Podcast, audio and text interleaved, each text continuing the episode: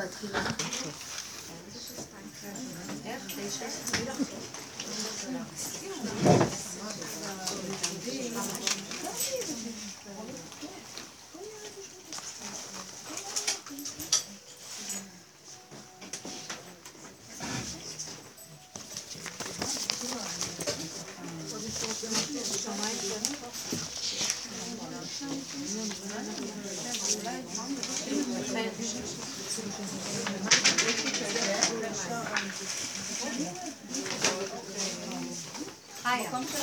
אני פה, אני פה. הכל בסדר.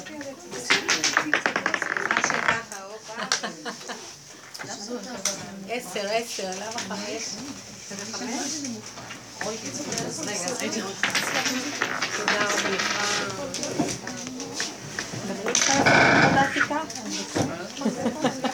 הוא יגיע אליי. תודה.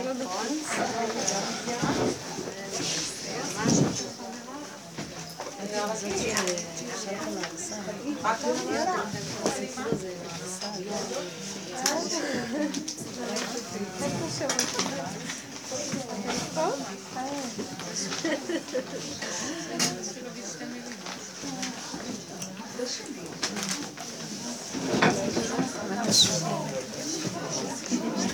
שלומך חמודה? איך העזיפה שלך? בסדר? הכל בסדר?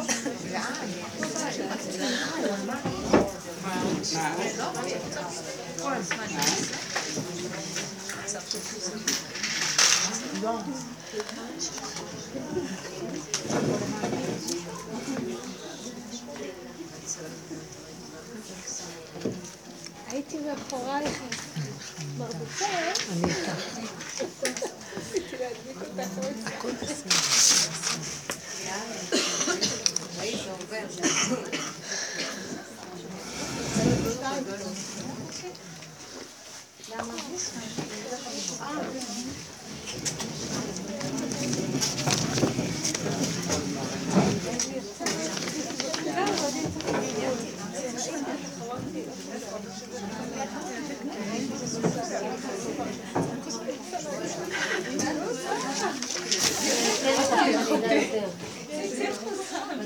למה היא לא...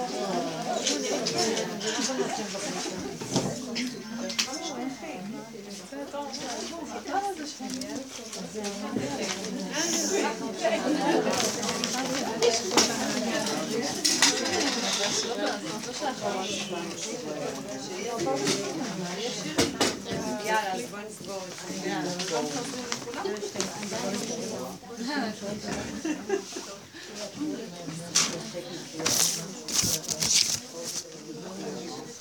ערב טוב, מתוקות, מה שלומכן? מה נשמע חמודות? בסדר? עכשיו בסדר, עכשיו שאת פה, חמוד.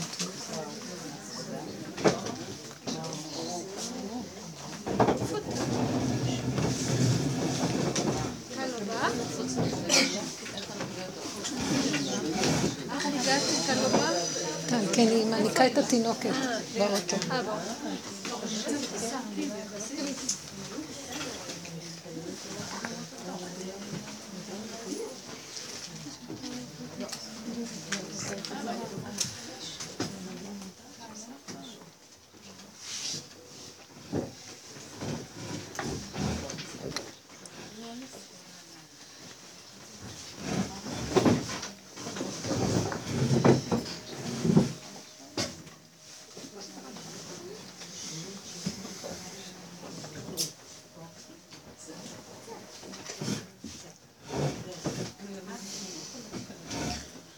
מה נשמע בנות הכל בסדר? קשה עם הבשורה הקשה של פיגוע, של נוסעים לשבת חתן, והאבא והבן, קשה מאוד. פיגוע. להכיל. מה שהיא אומרת. שהיה בידיעה של שבת. מאוד קשה. שהיום הייתה צריכה להיות החתונה.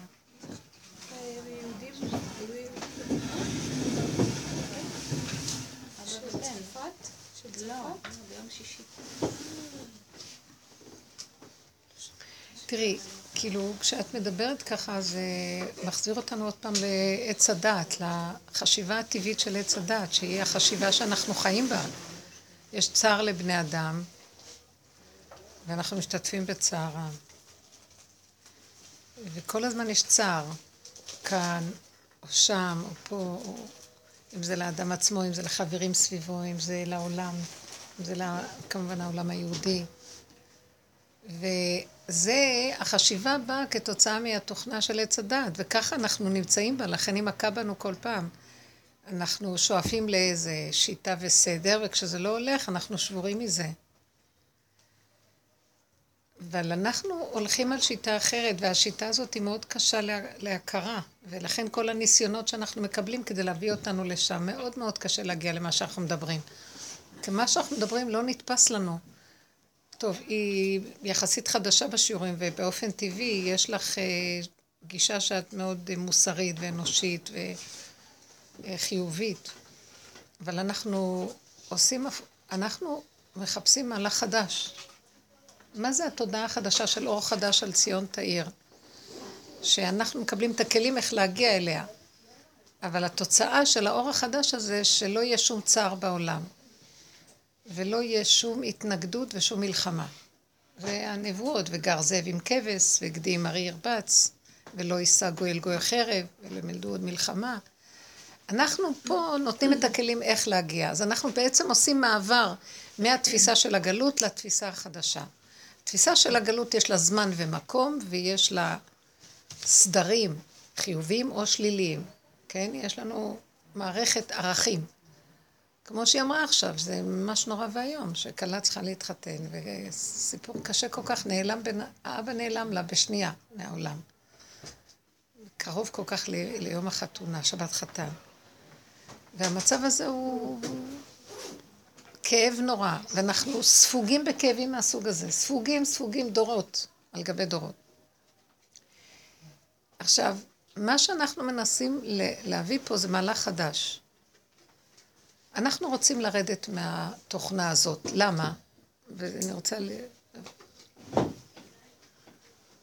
מה אנחנו רוצים להשיג? אני מתבוננת בטבע של החיים, ותגידו, אנחנו אומרים עוד מעט ימות המשיח, וכבר כולם מחכים המשיח, המשיח, המשיח.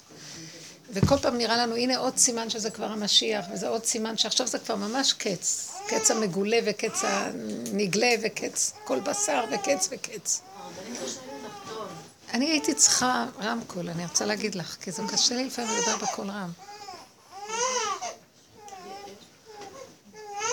אה, חמודה הקטנה הזאת. אז עכשיו, אז הקץ הזה שאנחנו כל הזמן, כאילו אנחנו אומרים עוד מעט משיח, עוד מעט, וכבר...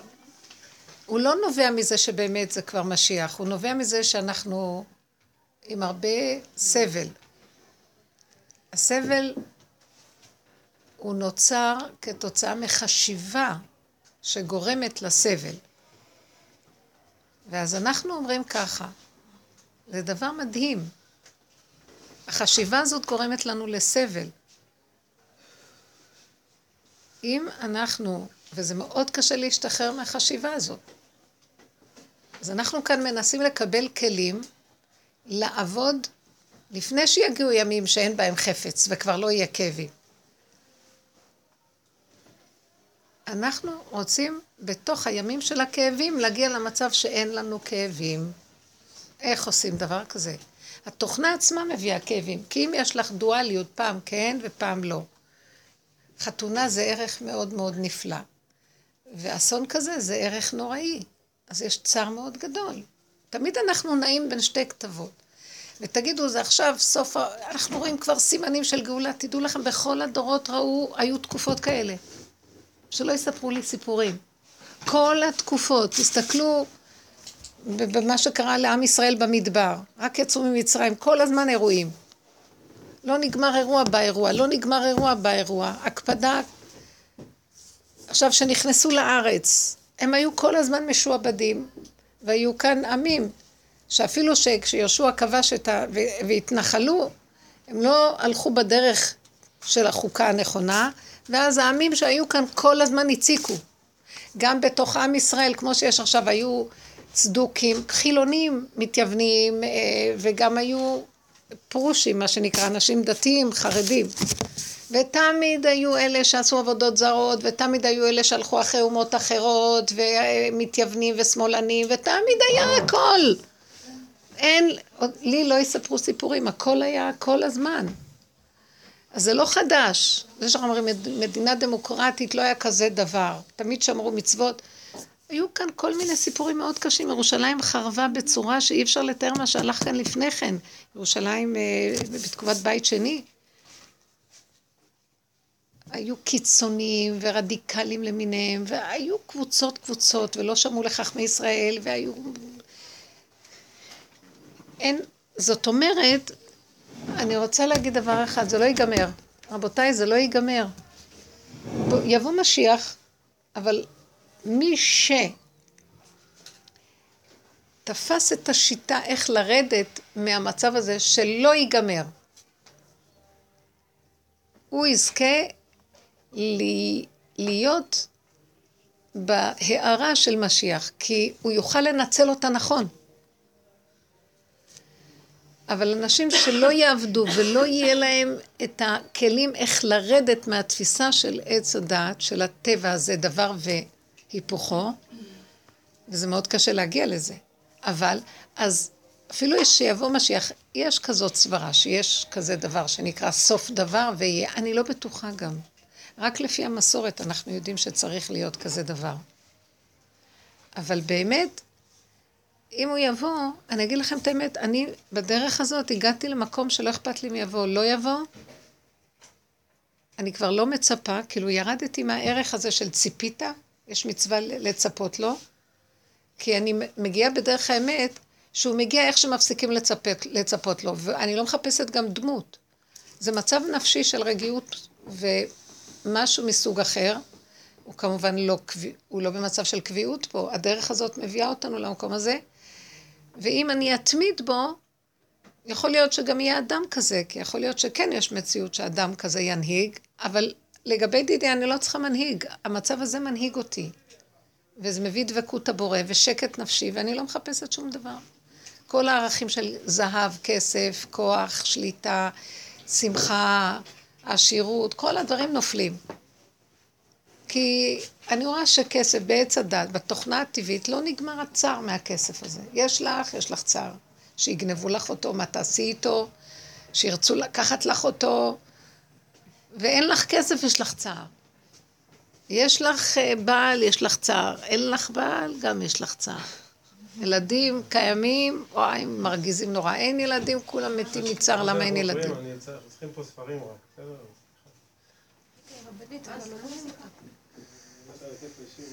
סליחה, זה שיעור עכשיו. אני יודע, אנחנו צריכים ספרים, יש פה עוד שיעור. מה אתה... צ... מה אתה? ספרים, ספרים. יש פה ספרים במדף פה, יכול להיות שזה פה? כן. רגע, אתה רוצה להיכנס לקחת ספרים? כן. אז תיכנס. רגע, אני מופרעת עכשיו.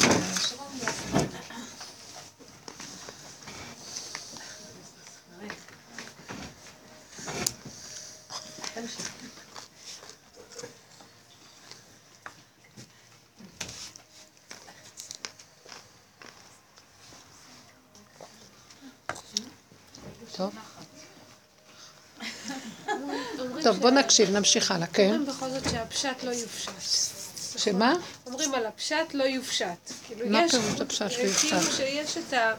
יש את הפשט ויש את הרבדים העמוקים יותר, אבל כאילו הפשט, מה שכאילו, כמו, ש, כמו שזה כתוב, הרובד הכי פשוט, לא מפשיטים, כאילו הפשט, זה משפטים מוכר, הפשט לא יופשט. לא שמעתי את זה אף פעם. את רוצה להגיד ש... כאילו, יש כל מיני, יש משמעויות נוספות, אבל כאילו, גם הפשט כמו שהוא, גם הוא כאילו... זה רק הפשט ואין שום דבר אחר. אז כאילו גם, אז זאת אומרת, נגיד, כל מה לא, את לא מבינה. כשאני אומרת, יש כאן שולחן, וכשמשיח יבוא זה יישאר אותו שולחן. זה הפשט לא יופשט, מה שאת אומרת. אני לא מדברת על זה. אני מדברת, השולחן הזה, הוא יפה, הוא מכוער, הוא מרגיז, הוא זה, הוא גדול מדי, הוא... זה לא יהיה. הנתון הפשוט יהיה. הדברים הנלווים לא יהיה. זאת אומרת, מה שעושה לי כאבים זה לא השולחן. מה עשה לי השולחן? מה, זה בסדר שיש חבר לחיים איתך, בן אדם. אנחנו קוראים לזה בעל, אבל לעתיד לבוא זה ייקרא חבר, לא תקראי לי עוד בעלי, רק אישי, כך כתוב. שזה לא יהיה בעלות, מישהו תמיד נמצא למטה ומעליו יש מישהו למעלה, אלא היה השתוות הצורה. כל אחד יהיה לו את התפקיד אחר, זה לא אומר, זה תפקידים שונים, אבל ערך שווה יש לכולם. אז המהלך הזה הוא בסדר. אז יש שינוי, לא השינוי, אני מנסה עוד פעם לחזור ולהסביר מה התפיסה של עץ הדת. הפרשנות, ההשגה, ההבנה, גורם לכל הסבל הזה. ומה, איך אנחנו יכולים לרדת מהסבל הזה? ולאט לאט אנחנו מבינים. אל תאמיני למה שאת מבינה. אל תפרשי. עכשיו, יש כזה נקודה, יש נתון כזה, שהאבא שם קרה פיגוע נוראי, אני מתייחסת לסיפור הזה, ויש את הבת, זה רגע מזעזע מאוד. יש רגע אחד שאני שומעת את זה, זה מזעזע אותי. אחרי רגע אני לא יכולה להמשיך לטחון את זה במוח שלי. זה גדול עליי. אני לא יכולה להכיל את זה, ואני גם לא יודעת מה לעשות עם זה. אני הולכת למהלך החדש, אני סוגרת את המחשבה, ואז זה נמחק במוח שלי. זה לא קשור אליי. זה עולמו של הקדוש ברוך הוא ולא שלי. הוא יודע מה לעשות עם הנשמות שלו ולמה זה קורה. אם אני הייתי בתפקיד של הגנה של מדינת ישראל, הייתי מנסה לקחת, להפיק לקח. אם הייתי ב... אני...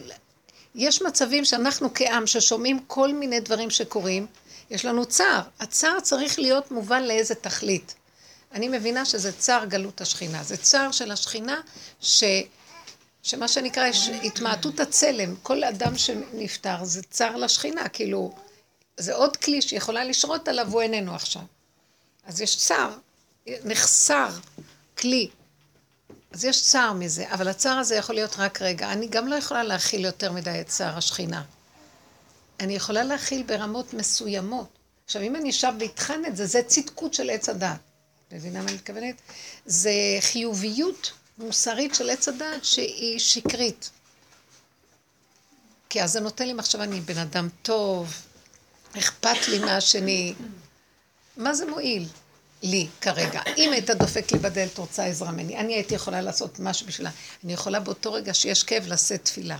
אני יכולה לבקש רחמים. אני יכולה להתחנן לבורלם שיגיד די לצרותינו. אני לא יכולה, אחרי שקורה הרבה זמן, נניח, שזה יחזיק לי במוח ואני אגיד, את יודעת, ואז אני אעלה את הצער עוד פעם ועוד פעם. אני לא מוכנה לזה. כי אז אני רואה שזה הישות שלי רוצה להיות שייכת להחזיק משהו, ואני רוצה לרוקן את המציאות שלי מישות. אין לי ישות, לא חיובית ולא שלילית. זה לא עולמי. אתם לא מבינים שזה לא העולם שלנו? אני גם איזה בורג בו. אני רוצה למסור את ההנהגה למי שהעולם שייך לו. אני לא נושמת מעצמי, מישהו מנשים אותי.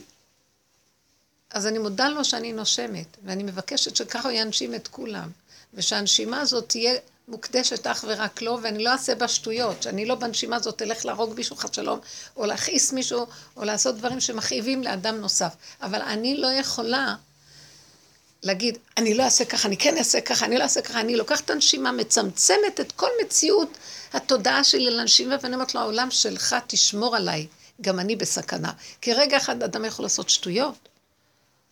אם אני קשורה איתו, יכול להיות שהוא ישים עליי איזה אור כזה שהוא ישמור עליי ואני אהיה קשורה איתו, ואז הוא ימנע שהכלי הזה לא יחסך כי את קשורה איתו. זה ענני כבוד ששומרים ולא רואים, האדם הוא בשמירה. יכול להיות שגם עם כל זה, מה, ש... מה שההנהגה העליונה תחליט, אני לא יודעת.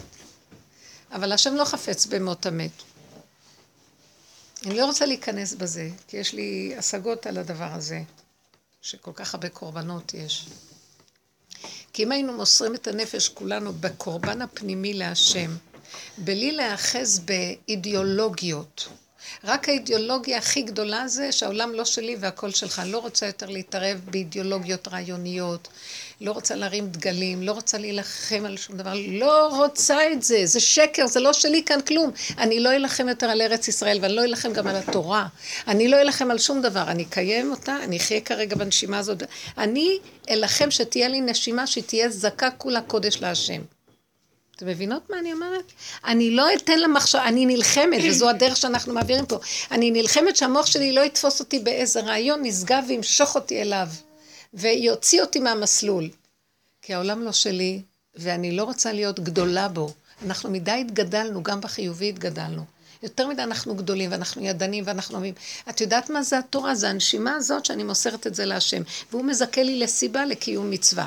והוא מזכה לי שההלכה תקוים לפי המתכונת הכי נכונה שמתאימה גם לי, כי יש הרבה שיטות לקיים הלכה. וזה צריך להיות מתאים לסוג האדם ולמציאות שלו כאן ועכשיו. אז זה נקודת האמת הרגע. אבל אני לא יכולה ללכת עם מוח והרגליים שלי בתוך המוח, וככה אני רצה בעולמות. כי במקום הזה אני הופכת להיות, עוד פעם, אנחנו במקום הזה של הסוג של החברה המוסרית, החברה החיובית. אני לא רוצה חברה. אני רוצה גילוי השם. גילוי השם הוא מחבר. כאשר אני חיה עם היחידה שלי וחיה את הפחד שמא אני אחבר במקומו. אני הרחמנית במקומו, אני הגדולה במקומו, אני הגדולת התורה במקומו, גדול תורה במקומו. אני לא רוצה להיות במקומו.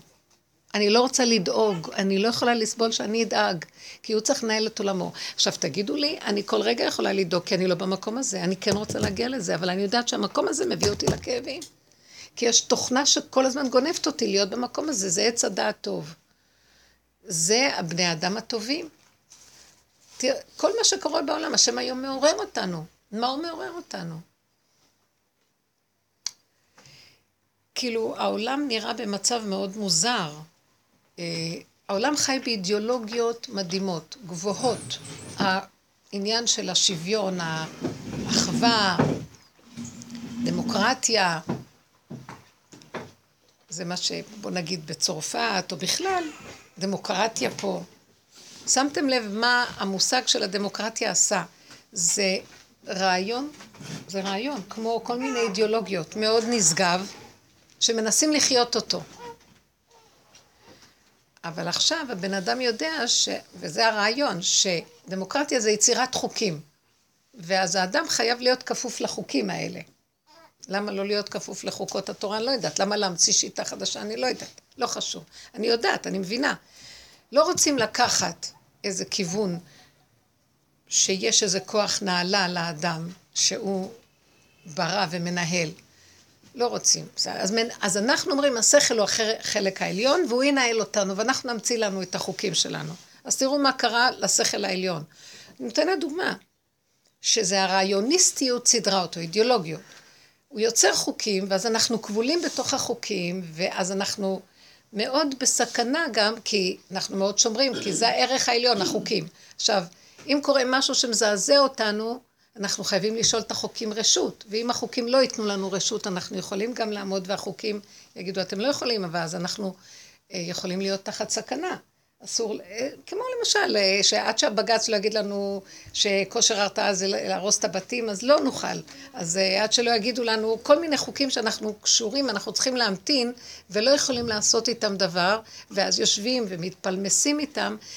אנחנו בעצם נמצאים בסכנה מאוד מאוד גדולה. כאשר, מה קרה בעולם? אבל, זה, אבל אנחנו מעריכים את החוקים ואנחנו נאורים ויש לנו חוקים. עכשיו, באים, באים טרור, בא טרור לעולם, ומאוד מוזר מה שקורה. הטרור הזה, אין לו חוקים. שמתם לב מה קורה? הוא לא עובד עם חוקים. מה שהוא רוצה, הוא עושה. אין לו שום, אה, מה שנקרא, התחשבות בחוק.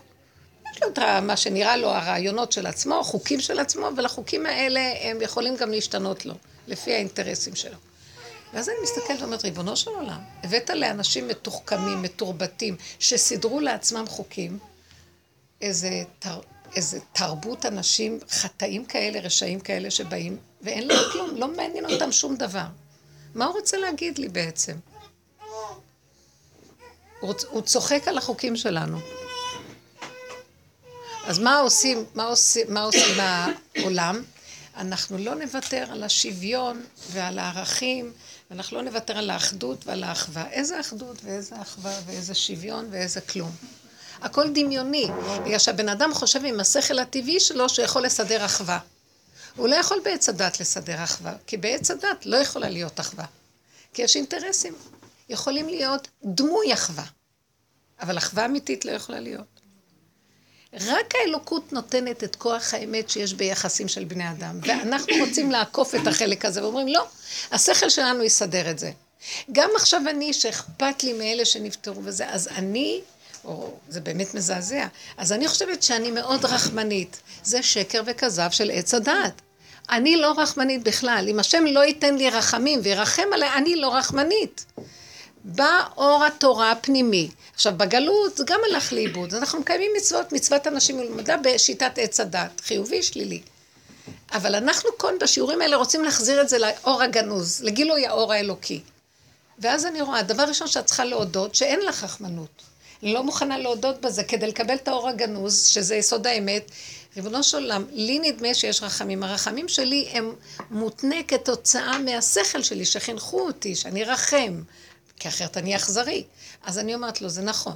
ברובד הפיזי של הדבר אני צריכה להיות רחמנית, כי אחרת אני אגלה את האכזריות שלי החוצה, אז תרחם עליי, שאני לא אגלה את מה שזה באמת ביסוד של האדם.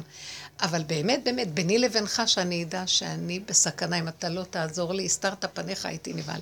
אם אתה לא תיתן לי רחמים, לא יהיה לי רחמים. אני רוצה להגיע לנקודת האמת ולראות שאין לי רחמים. אין לי רחמים. ולא להיות מזועזעת מזה שאין לי. למה? כי אין לי באמת, כי רק השם הוא זה שנותן לי. אני מת כל רגע והוא זה שמנשים ומחיה אותי. אני נופל כל רגע והוא רגע, הוא זה שסומך נופלים. אני ערום כל רגע ואין לי כלום והוא זה שמלביש ערומים. אני אסור כל רגע והוא זה שמתיר אסורים. אתם לא מבינים? והשכל של עץ הדת אומר, לא, הוא רק אומר את זה כאילו, וחוץ מזה אנחנו הכל. לא, אנחנו כלום. כלום שבכלום. וזה עבודת התשובה. תשוב אחורה להכיר שאתה כלום. ואל תהיה מאוים מזה, כי רק שם תמצא את האור הגנוז. את האמת, פשוטה, אל תתכסה ביפייפות. נכון, אנחנו מכוסים, ויש לנו תרבות כזאת. ולמה מתים? כי אנחנו מכוסים. ולמה הוא שולח את כל הטרוריסטים? כי אנחנו מכוסים. והם ערומים. הם מזעזעים אותנו בעירום שלהם. למה גם אנחנו לא נהיה ערומים? מה אכפת לנו? למה אני צריכה לבקש מהשם שלא, יוצ... שלא תצא לי החוסר הרחמנות, שתצא, מה אכפת לי כאילו? לא, כי ברגע שזה, כי אני נמצאת, זה תשובה, כי אני נמצאת בגוף, והעולם כאן בגוף, והגוף הזה זה עולם התלעובות. אני נמצאת כאן בעמק הבכה, עוברים בעמק הבכה, אני נמצאת כאן ברובד מאוד ירוד של אנוש. תדעו לכם שאנחנו נמצאים ברובד הכי נמוך של הסקאלה העולמית. גוף האדם, יש תודעות מפותחות, יש אינטליגנציות מדהימות, יש גופים דקים ועדינים, אנחנו מגושמים. עכשיו, ברובד הזה שנפלנו אליו אחרי אכילת עץ הדת, אז אנחנו בעצם מסוכנים. אנחנו יכולים להזיק. ובאה התורה ואומרת, זהרו לא להזיק. והתורה נותנת לנו גופי תורה. אל תגנוב, אל תרצח, לא תעשה זה ולא תעשה זה, ותשמור על הגוף שלך. חוץ מזה, בפנים, כל רגע אני יכול לרצוח. כי עובדה, למי אומרים אל תרצח לאחד שלא היה חשוד אף פעם שירצח? למה נתנו לעם ישראל תורה לא תרצח? רבותיי, מה זה פה?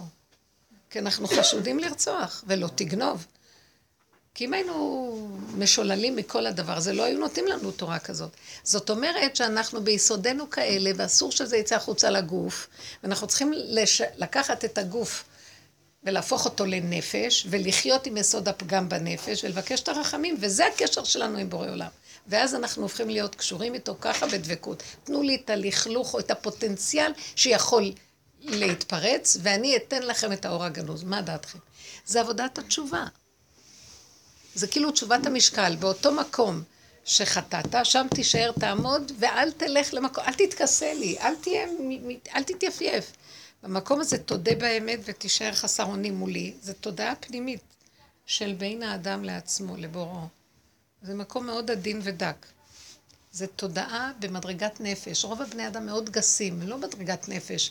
הם במדרגת רוחני, צדיק, אה, עולמות, רעיונות, אה, יש לו כל מיני רעיונות. אנחנו גם, כל הקיום שלנו של התורה זה מצוות אנשים מלומדה. זה כוח הכללי שיש בתורה. כאילו, אנחנו כללי, כללי סיפורים, סיפורי התורה. לא, לא, קח אותו ותעבוד, תחפש איפה אתה בתוך כל זה, איפה אתה ביסוד של אברהם אבינו והניסיון שלו. איפה אתה ביסוד הזה של מה שקרה פה ושם. איפה היחידה שלך? ועם זה תישאר מול בורא עולם. השתמשת בתורה בדרגת נפש. תביאו את התורה מגוף לנפש. אנחנו נשארים בקיצון, בחיצוניות, בכלליות, ואז בחיוביות של זה מפני זה, וכל פעם זה הולך לאיבוד, ובגלל זה פוגעים בנו. כי אנחנו לא שווים אליו, ואז כל מוצאיני יהרגני, כי אנחנו בזמן של סכנה מאוד גדולה. כתוב שבשעת סכנה גם צדיקים אה, אין, אין להם הגנה. כי השטן מקטרג. אז כל העבודה שלנו שאנחנו עושים פה זאת העבודה. תיכנסי פנימה ראש באדמה, תיכנסי פנימה, תיכנסי פנימה. אל תרצי להיות גדולה. אני כל פעם אומרת לו, אבא, אני לא יכולה להישאר, בעולם שכזה אני לא יכולה, אני בסכנה.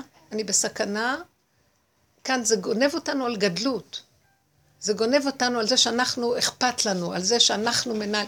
אני אומרת לו, בסוף זה יכול להתנהל דרכנו, ובסוף צריך שלי יהיה אכפת, אבל רק אתה תיתן לי את זה וזה לא יהיה אני. זה לא יבוא מהאני שלי של עץ הדת. אתם קולטות מה אני מדברת? זה קצת קשה לקלוט את זה, כי זה נראה, מה את רוצה כאן? מה את מדברת פה? כי בתוכנה של עץ הדת אני שטחי מאוד, גירוי תגובה, אני צדיק, אני טוב, אני אכפת לי, אני זה. תיכנסו פנימה, זה, זה גן ילדים, זה לא מתחיל. כל כך הרבה שנים אנחנו עובדים. רב אושר אמר, אתם יודעים מה הקו המנחה של הדרך הזאת? שתקוות אנוש רימה. תחפשו איפה התקווה שלנו ברימה. תחפשו את הרימה, שאנחנו רימה ותולעה. ושם אנחנו נזדעזע ונגיד, אין לנו שליטה על כלום, ברגע אחד לוקח לנו את הנשימה ונגמר העסק. אנחנו יושבים פה פה פה פה פה פה פה פה פה פה, מה לא עשינו עם המוח הזה? בסדר, נכון שאנחנו כן רוצים לפעול ולהיות, זה, זה עולם העשייה, אבל מתוך הרימה תעשי פעולה, זה אמיתי. מתוך האין אונות, מי זה עושה לך את הפעולה? הוא. מתוך זה שאת מדברת קשקושים, את שותקת, שותקת, כי את יודעת שזה חבל לך הדיבור, יוצא לך דיבור, את רואה, זה דיבור של אמת, זה הוא נתן לי. את מתחילה לראות את הגילוי האמיתי של החיות האלוקית שבתוכנו. אנחנו חיים בטשטוש, וחיים ברעיונות, וחיים כל היום מחפשים איפה ללכת, ולסדר סיפוקים וריגושים כדי לחיות. וכולם מחפשים אותו. דרך אגב, יש, יש צמא, ויש עייפות ותשישות מהתוכנה של עץ הדת, אבל לא מוצאים את הפתח איך לצאת. אתם רוצים לשאול אותי כאן, כאן מה... כן. אה, ענית על זה פה ושם, אבל עדיין אני לא... אני, אני שואלת על הקטע של שכ, שכחה, אוקיי? כשאתה מחובר, אז, אז יש, נגיד, אני רואה אצלי שאו ש, שיש לי רגעים וזה הולך ומצטמצם.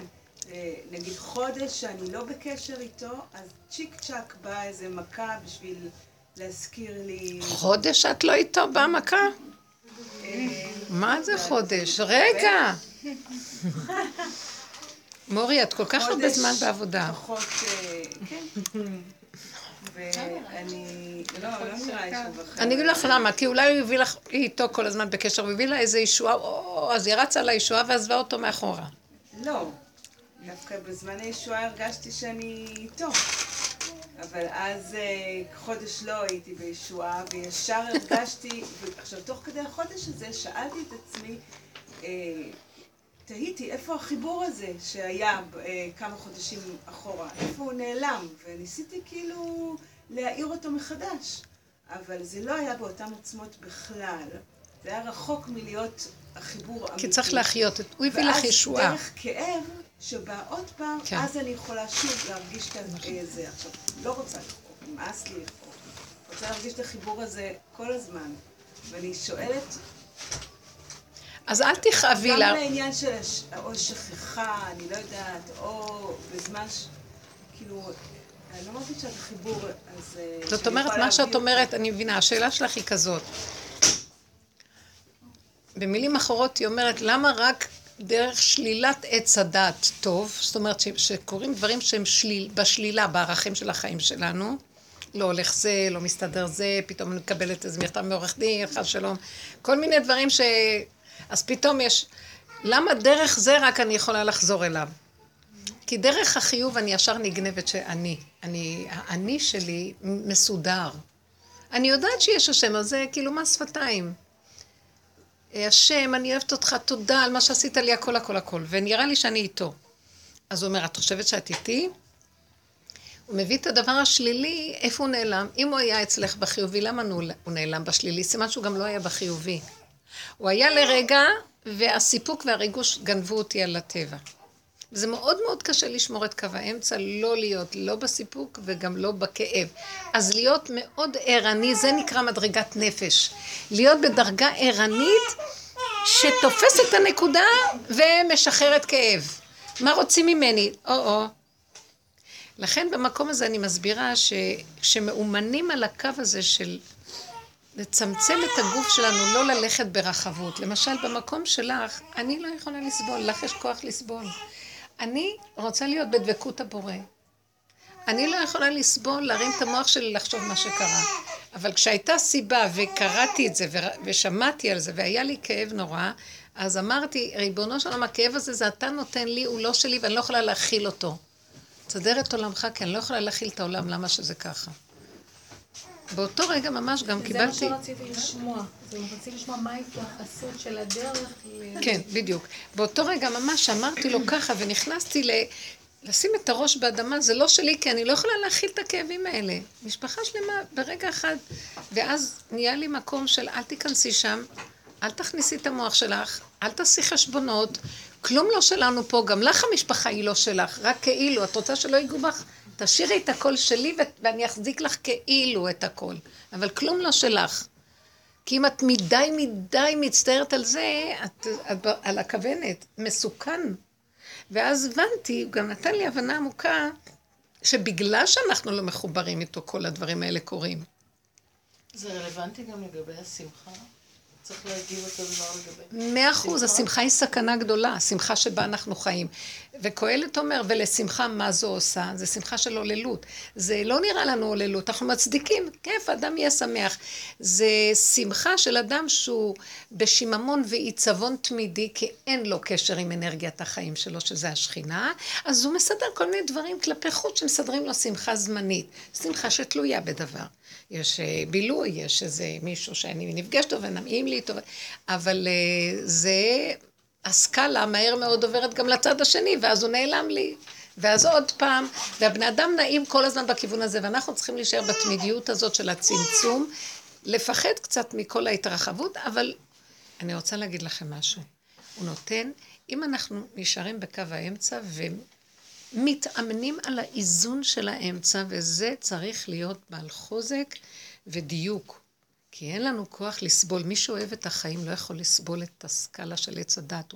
זה, זה רשעות, לאן שיראו אותנו לתוך הרשעות. אנחנו פשוט שבויים בתוך מערכת נוראית. והרחמים הוא שרוצים למלט את הנפשות שלנו. אז מי שרואה את החסד של השם שנותן דרך ואנחנו עובדים עליה, אנחנו מגיעים למקום של צמצום תמידי, וכל פעם שאנחנו מתרחבים, חוטף מכת, לא צריך לכאוב הרבה, לחזור מהר. ועוד פעם ולחזור מהר, ובתודעה שלי יש מקום של, כאילו, תחשבו רגע, אני לא מציאות. באות מחשבות, הן באות לפתות אותי לחשוב, אני לא מציאות, חפשו מישהו אחר, אני לא מציאות, אל תתלבשו עליי, ואז אני אגיד לכם ככה, ואתם תגידו לי ככה, ואני אגיד לך ככה, וככה, וזה עושה לי ייסורים. אני לא מציאות, אני לא מציאות. כאילו את מכניסה את הראש למים, אני לא מציאות. אבל כשאת מכניסה את הראש למים, מתחיל להיות חיים, יש בתוך המים חיים גדולים מאוד, חיים אמיתיים, זה דרגה דקה של חושים חדים, דקים, שלאט לאט לאט מתחילים לשמוע שם. מתחילים לשמוע, מתחילים לחיות. החושים הם קליטים ועדינים ודקים, ומשם נובע אור חדש. גם חוכמה מגיעה משם. זה דבר שצומח מבפנים כלפי חוץ ולא מבחוץ פנימה. כי זה ההשכלה של עץ הדת, מפה. וזה עבודה, ואנחנו מאוד קשה לנו, אנחנו מבוהלים לאבד, אני מתה מפחד לאבד את המוכר לי והמוכח של עץ הדת. אבל אין לי ברירה, הוא נותן לי כל פעם מכות הכוונה. אני לא, אני, מגיעים למקום שאני לא יכולה לעמוד מול הדבר הזה. אני, אם אני קוראת עיתון, אני לא יכולה לעמוד מול הכאבים שאת רואה. אז אני יכולה רק לקחת נקודות ללקט, משהו קטן שהוא נותן בהמשך הזמן דקויות, שאת חיה בחיים, את לא רוצה להיות מנותקת, אבל טיק, טיק, טיק, טיק, טיק, קטן, תוכו אכל, קליפתו זרק, מה מזין את הנפש, וזהו. ואני מתפללת, העולם שלך לא שלי תרחם, אני לא מכילה. אבא, אני רוצה להיות שייכת אליך. בחוק ששייכים למטה, לקשר של האלוקות, ולא להזין את עץ הדעת, במחשבות, בפרשנות, בהרגשות, בפעולות הרבות שאין להם, מרוב, אנחנו פשוט מקולקלים, מנגנון מקולקל. וכשנכנסים יותר פנימה, אני רוצה להגיד לכם דבר כל כך מעניין קורה. זה עולם בפני עצמו. אני יכולה להגיד לו, אני יכולה לדבר איתו בדרגה מאוד פשוטה. אני לא רוצה להתאמץ על כלום, אני רוצה שהכל יגיע עד אליי. הוא יקשיב לי, כי ככה הוא ברא את האדם, שהוא לא יתאמץ בכלום. יום שכולו שבת, אנחנו מבקשים, לא? זה מהלך כזה, כי חוק עץ הדת הוא לא כזה, זה חוק של עמל ויגיעה, ומלחמה והתנגדות, וצער ורוגז ומכאובים וכן הלאה וכן הלאה. והחוק הנמוך היותר הפנימי, זה לא חייב להיות ככה. יש לך חסר אמיתי, זה מדויק, זה יגיע עד אליך. כי אני בראתי שאתה תקבל את מה שאתה צריך. הכל מתחיל להיות קטן, מעט, אין לי טה-טה-טה המון דברים, ואת לא יודעת מה, ואולי ככה ולא ככה חקיינות, קנאת תשמרו, את לא יודעת מה את רוצה, מה את לא רוצה ומאיפה זה בא. והעבודה הזאת לאט לאט מורידה ומביאה. עכשיו, לא חייבים להישאר בתוך הכאב הגדול הזה. אפשר רגע אחד, או-או, טיפת כאב, סימן שאני לא במקום. אסור לנו להיות בכאב. עבדי השם אמיתיים לא צריכים להיות בכאב. יש כאב שמתלבש עלינו בעל כורחנו, שזה כאב מסוג אחר, אבל בדרך הטבע הרגילה, שאדם חי, כמו ילדים קטנים. קחו ילד קטן. אנחנו צריכים להיות ילדים קטנים במלאכת השם, מלכות השם. אבל כדי להגיע למקום הזה יש הרבה סבל. עכשיו, מה החוכמה של העבודה? שלא נחזור על אותו סבל שוב ושוב, כמו, כמו אחד שדופק את הראש חמישים פעם בקיר, כשהוא רואה שיש כאן קיר. החוכמה היא לדעת, או קלטתי, לא. אדם צריך לעשות לעצמו מערכות של אה, שמירה, הגנה מתוך מציאות העולם, כי העולם הוא מאוד מסוכן. עכשיו, מה שקורה בעולם זה כאילו, העולם הוא מופקר, ואז שולחים לו משהו מאוד חזק שיעצור אותו, שיעצור לו את ההפקרות. אתם לא מבינים שכל מה שקורה פה זה לעצור את ההפקרות? כל המקום הזה של כל הטרור הזה, כולל במדינה, כולל בחוץ, זה, אנחנו נמצאים במציאות של הפקרות. כוחי ועוצם ידי, או הוללות, כמו שבצרפת, פריז, אני לא יודעת מה, חיים של... שם יש שלום כבר הרבה זמן, אין להם את ההתעוררות לחיות את הסכנה בדברים. אז חיים עם אידיאולוגיות מאוד גבוהות והן משוללות אמת. ויום אחד הם מתעוררים ורואים שכל כל אירופה מלאה בארגוני טרור לא נורמליים, שבשנייה אחת מקבלים הוראה, הם מפוצצים את. אז זה לא, לא פשוט מה שקורה. והם, זה, זה, כי הם רצו אחדות, וכל אחד יעשה, זה הפקרות. כי אין פה בעולם אחדות. כי אם השם לא ייתן אחדות, לא יהיה פה אחדות. מה פתאום שיהיה אחדות? זאב זה זאב וכבש זה כבש. רק השם יכול לסדר שגר זאב עם כבש. אתם לא מבינים? צריך כוח עליון יותר נעלה. אבל הבן אדם מחכה. זה המן שהוא מחכה. עלה עץ חמישים אמה, והוא חושב שיש לו איזה גובה של השקפה שהוא יכול להבין הכל. אז הוא מנסה שיטות. אבל כל השיטות האלה נפלו, אתם לא רואים? היו שיטות, משיטות שונות, קומוניזם זה, זאת, כל מיני דברים שבאים ונופלים ובאים. גם הדמוקרטיה, יש לה ערך גבוה, אבל אדם לא יכול להכיל את הערך הזה. אז מסדר לו חוקים כאילו הוא יכול להעריך, אבל זה הדחקה, זה לא הסתכלות נכונה על החיים. כי כאן זה עולם של טבע. אין כאן השתוות. את לא יכולה לשים שני אנשים שהרמה הפנימית שלהם שונה ולהגיד להם שוויון. אתם מבינות מה אני מדברת? את לא יכולה לשים עם ישראל שדורות דורות סבל סבל ונשרד, ומשהו יזדכך אצלו ויש לו מהות אחרת לגמרי, עם, עם דקויות של, כי אנחנו קבלנו את עצמנו, איזה עם כל כך הרבה דורות היה בגלות ולא היה לו מצד עצמו, אז כל הזמן נתון למשיסה ולבז, וכל רגע יכול למות ולהיכחד. והוא נשרד ונשרד ונשרד בזכות התורה והחוקים שלה ששמרו עלינו. אז בוא נגיד, לא יכולה לשים אותו עם אחד שחי בהפקרות, יושב בארצו, אין לו שום בעיה, דורות, אני לא יודעת מה, אם בכלל זה העם הזה או זה כבר. את לא יכולה לשים שני אנשים כאלה ביחד. זה דקות אחרת וזו דקות אחרת, ולהגיד יש דמוקרטיה. אי אפשר, זה סבל. זה סבל. אלה ייכנסו, אני מסתכלת, אני רואה, אני יכולה להיכנס לרכבת, ואז אני נכנסת עם איזו תרבות של הכנעה, של איזה שפיפות של הכנעה. שאני לא רוצה, אני לא מציאות ואני לא רוצה לקחת מקום לשני שגם הוא יחיה. עכשיו, יכולים לעלות אנשים, בקולי קולות, צעקות, זה, זה, מתיישבים, יורקים. זה סבל, אי אפשר לשים שני אנשים. מה שלא נעשה, אין כזה, אי אפשר. בסופו של דבר זה קם עלינו. אז מה את עושה? זאת אומרת, כאילו, זה קורה כל. הזמן. זאת אומרת, השיטה שסידרנו לעצמנו בטבע היא לא טובה. לחזור ליחידה ולעבוד. לא לעבוד על הכלליות. תעזבו עכשיו, תעזבו עכשיו.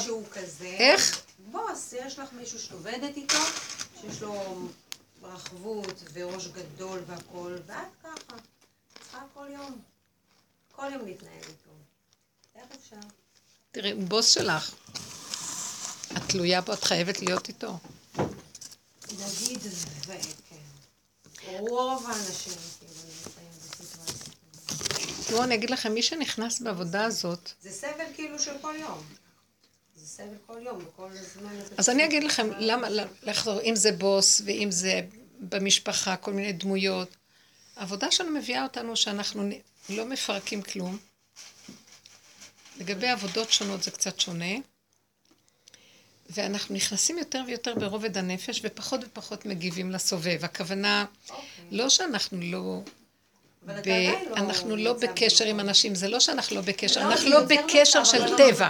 זה יוצר מצב שכבר באמת אין עם מי לדבר. אתה לא יכול לדבר, כי כולם קופצים עם הרחוב. את מדברת על נקודה שבאמת מעטים מצליחים להגיע לשם, ואז... אז תהיי את אחד מהם, למה, מה אכפת לנו אני- שיש... לא, אני מדברת עליי. עכשיו, אני לא תלך- פעם. את בדיוק, זה מה שרציתי אני להגיד.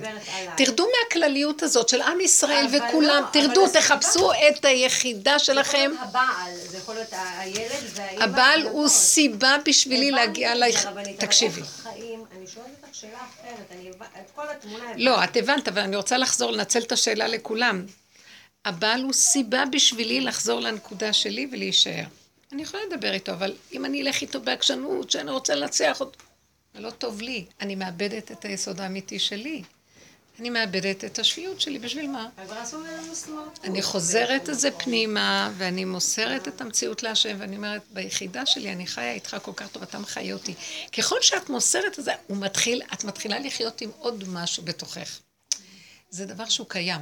הוא מרגישה? קיים, נכון, הוא קיים, ראינו את זה, כן. ואנחנו חיים את זה הרבה. מתמיד. אז מה עכשיו את- גומר אז מה את צריכה לרוץ? כבר לא מרגישים כלום. את צריכה לרוץ עכשיו. לבעל שייתן לך אהבה?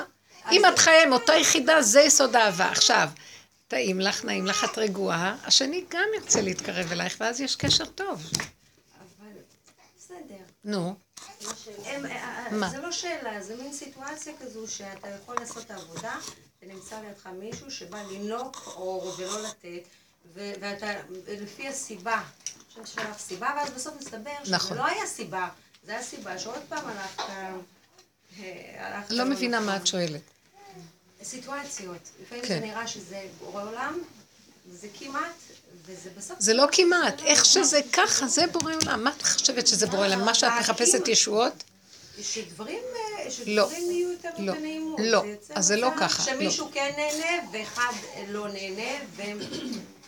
קיצור, כמו שאת אומרת, את נכנסת לרכבת ויש הרבה רעש, אז את נכנסת פנימה, נכון? אני נכנסת לתוך הנפש. שלי, כן, ואני... אז, נהיינו מאוד בודדים. זה לא. נקרא בדידות, כי מתוכי יש כוח שאני מחוברת. אני לא בבדידות בכלל, אני יכולה...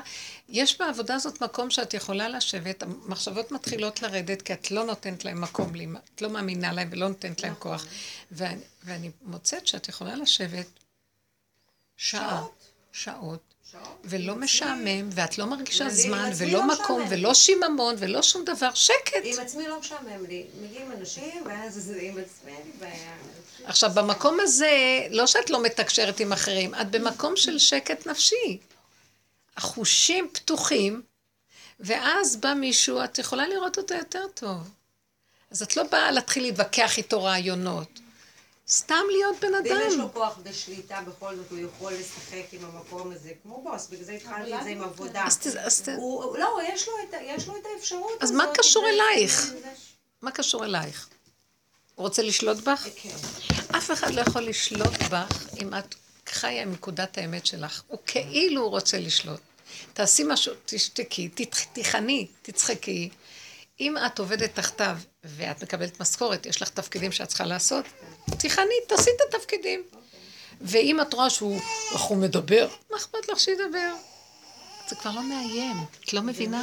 אז זה הוא. זה דבר מעניין. זה פשוט נקי. אז את אומרת, ואם יצאתי אליו, אז יצאתי אליו וגם... גם אם יצאת, יצאת, ואל תחזרי להכות אותך. כאילו, אבל תשאלי את עצמך למה יצאתי, בגלל שאני באיזשהו מקום, אני עוד...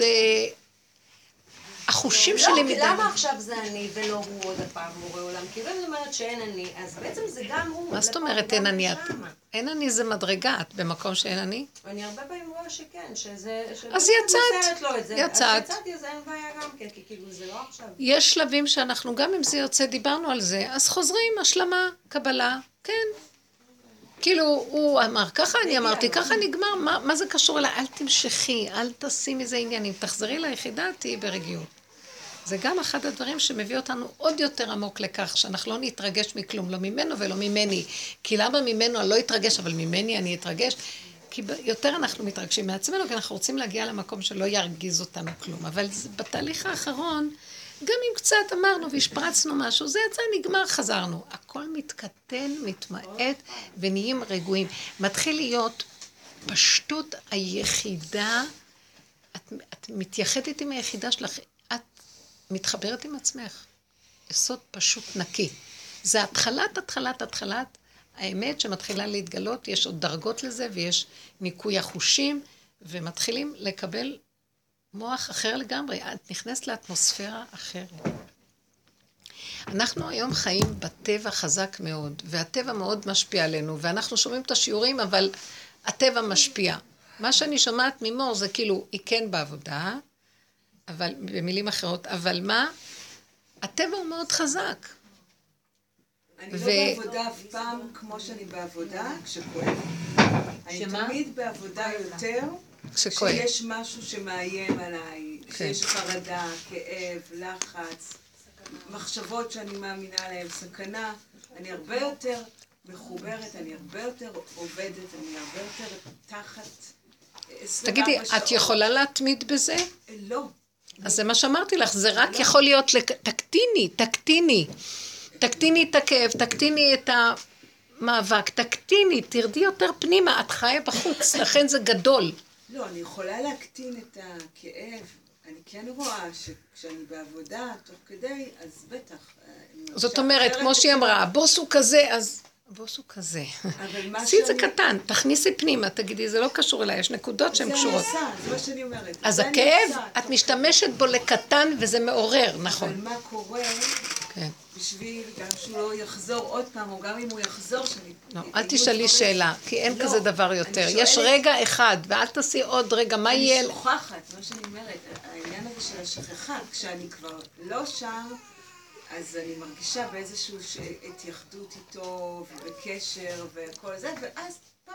זה נקרא נעלם. שתפתחי את הפה ותבקשי לחיות את הסכנה. אני- אבל אני, אבל לפתוח, זה לא אמיתי כשאני פותחת את הפה ואני מבקשת. אני בדקתי את זה בחודשים האחרונים. כשאני פותחת את הפה ואני שמעת. מבקשת, זה לא, זה לא תפילה אמיתית כמו שיש לי את התפילה הזאת עכשיו. אני רוצה לשאול שאלה. כשאת אומרת שקורה לי דבר ואני עכשיו מבועטת שלא יקרה לי עוד פעם משהו, נכון?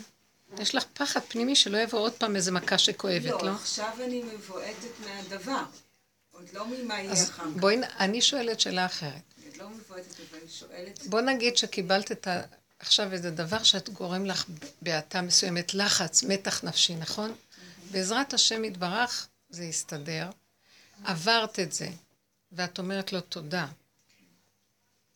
כמו שקרה הרבה פעמים. אחרי שאמרת לו תודה והכול, נכון שעכשיו יש לך משהו יותר מחודד שאומר צריך לחיות את הסכנה.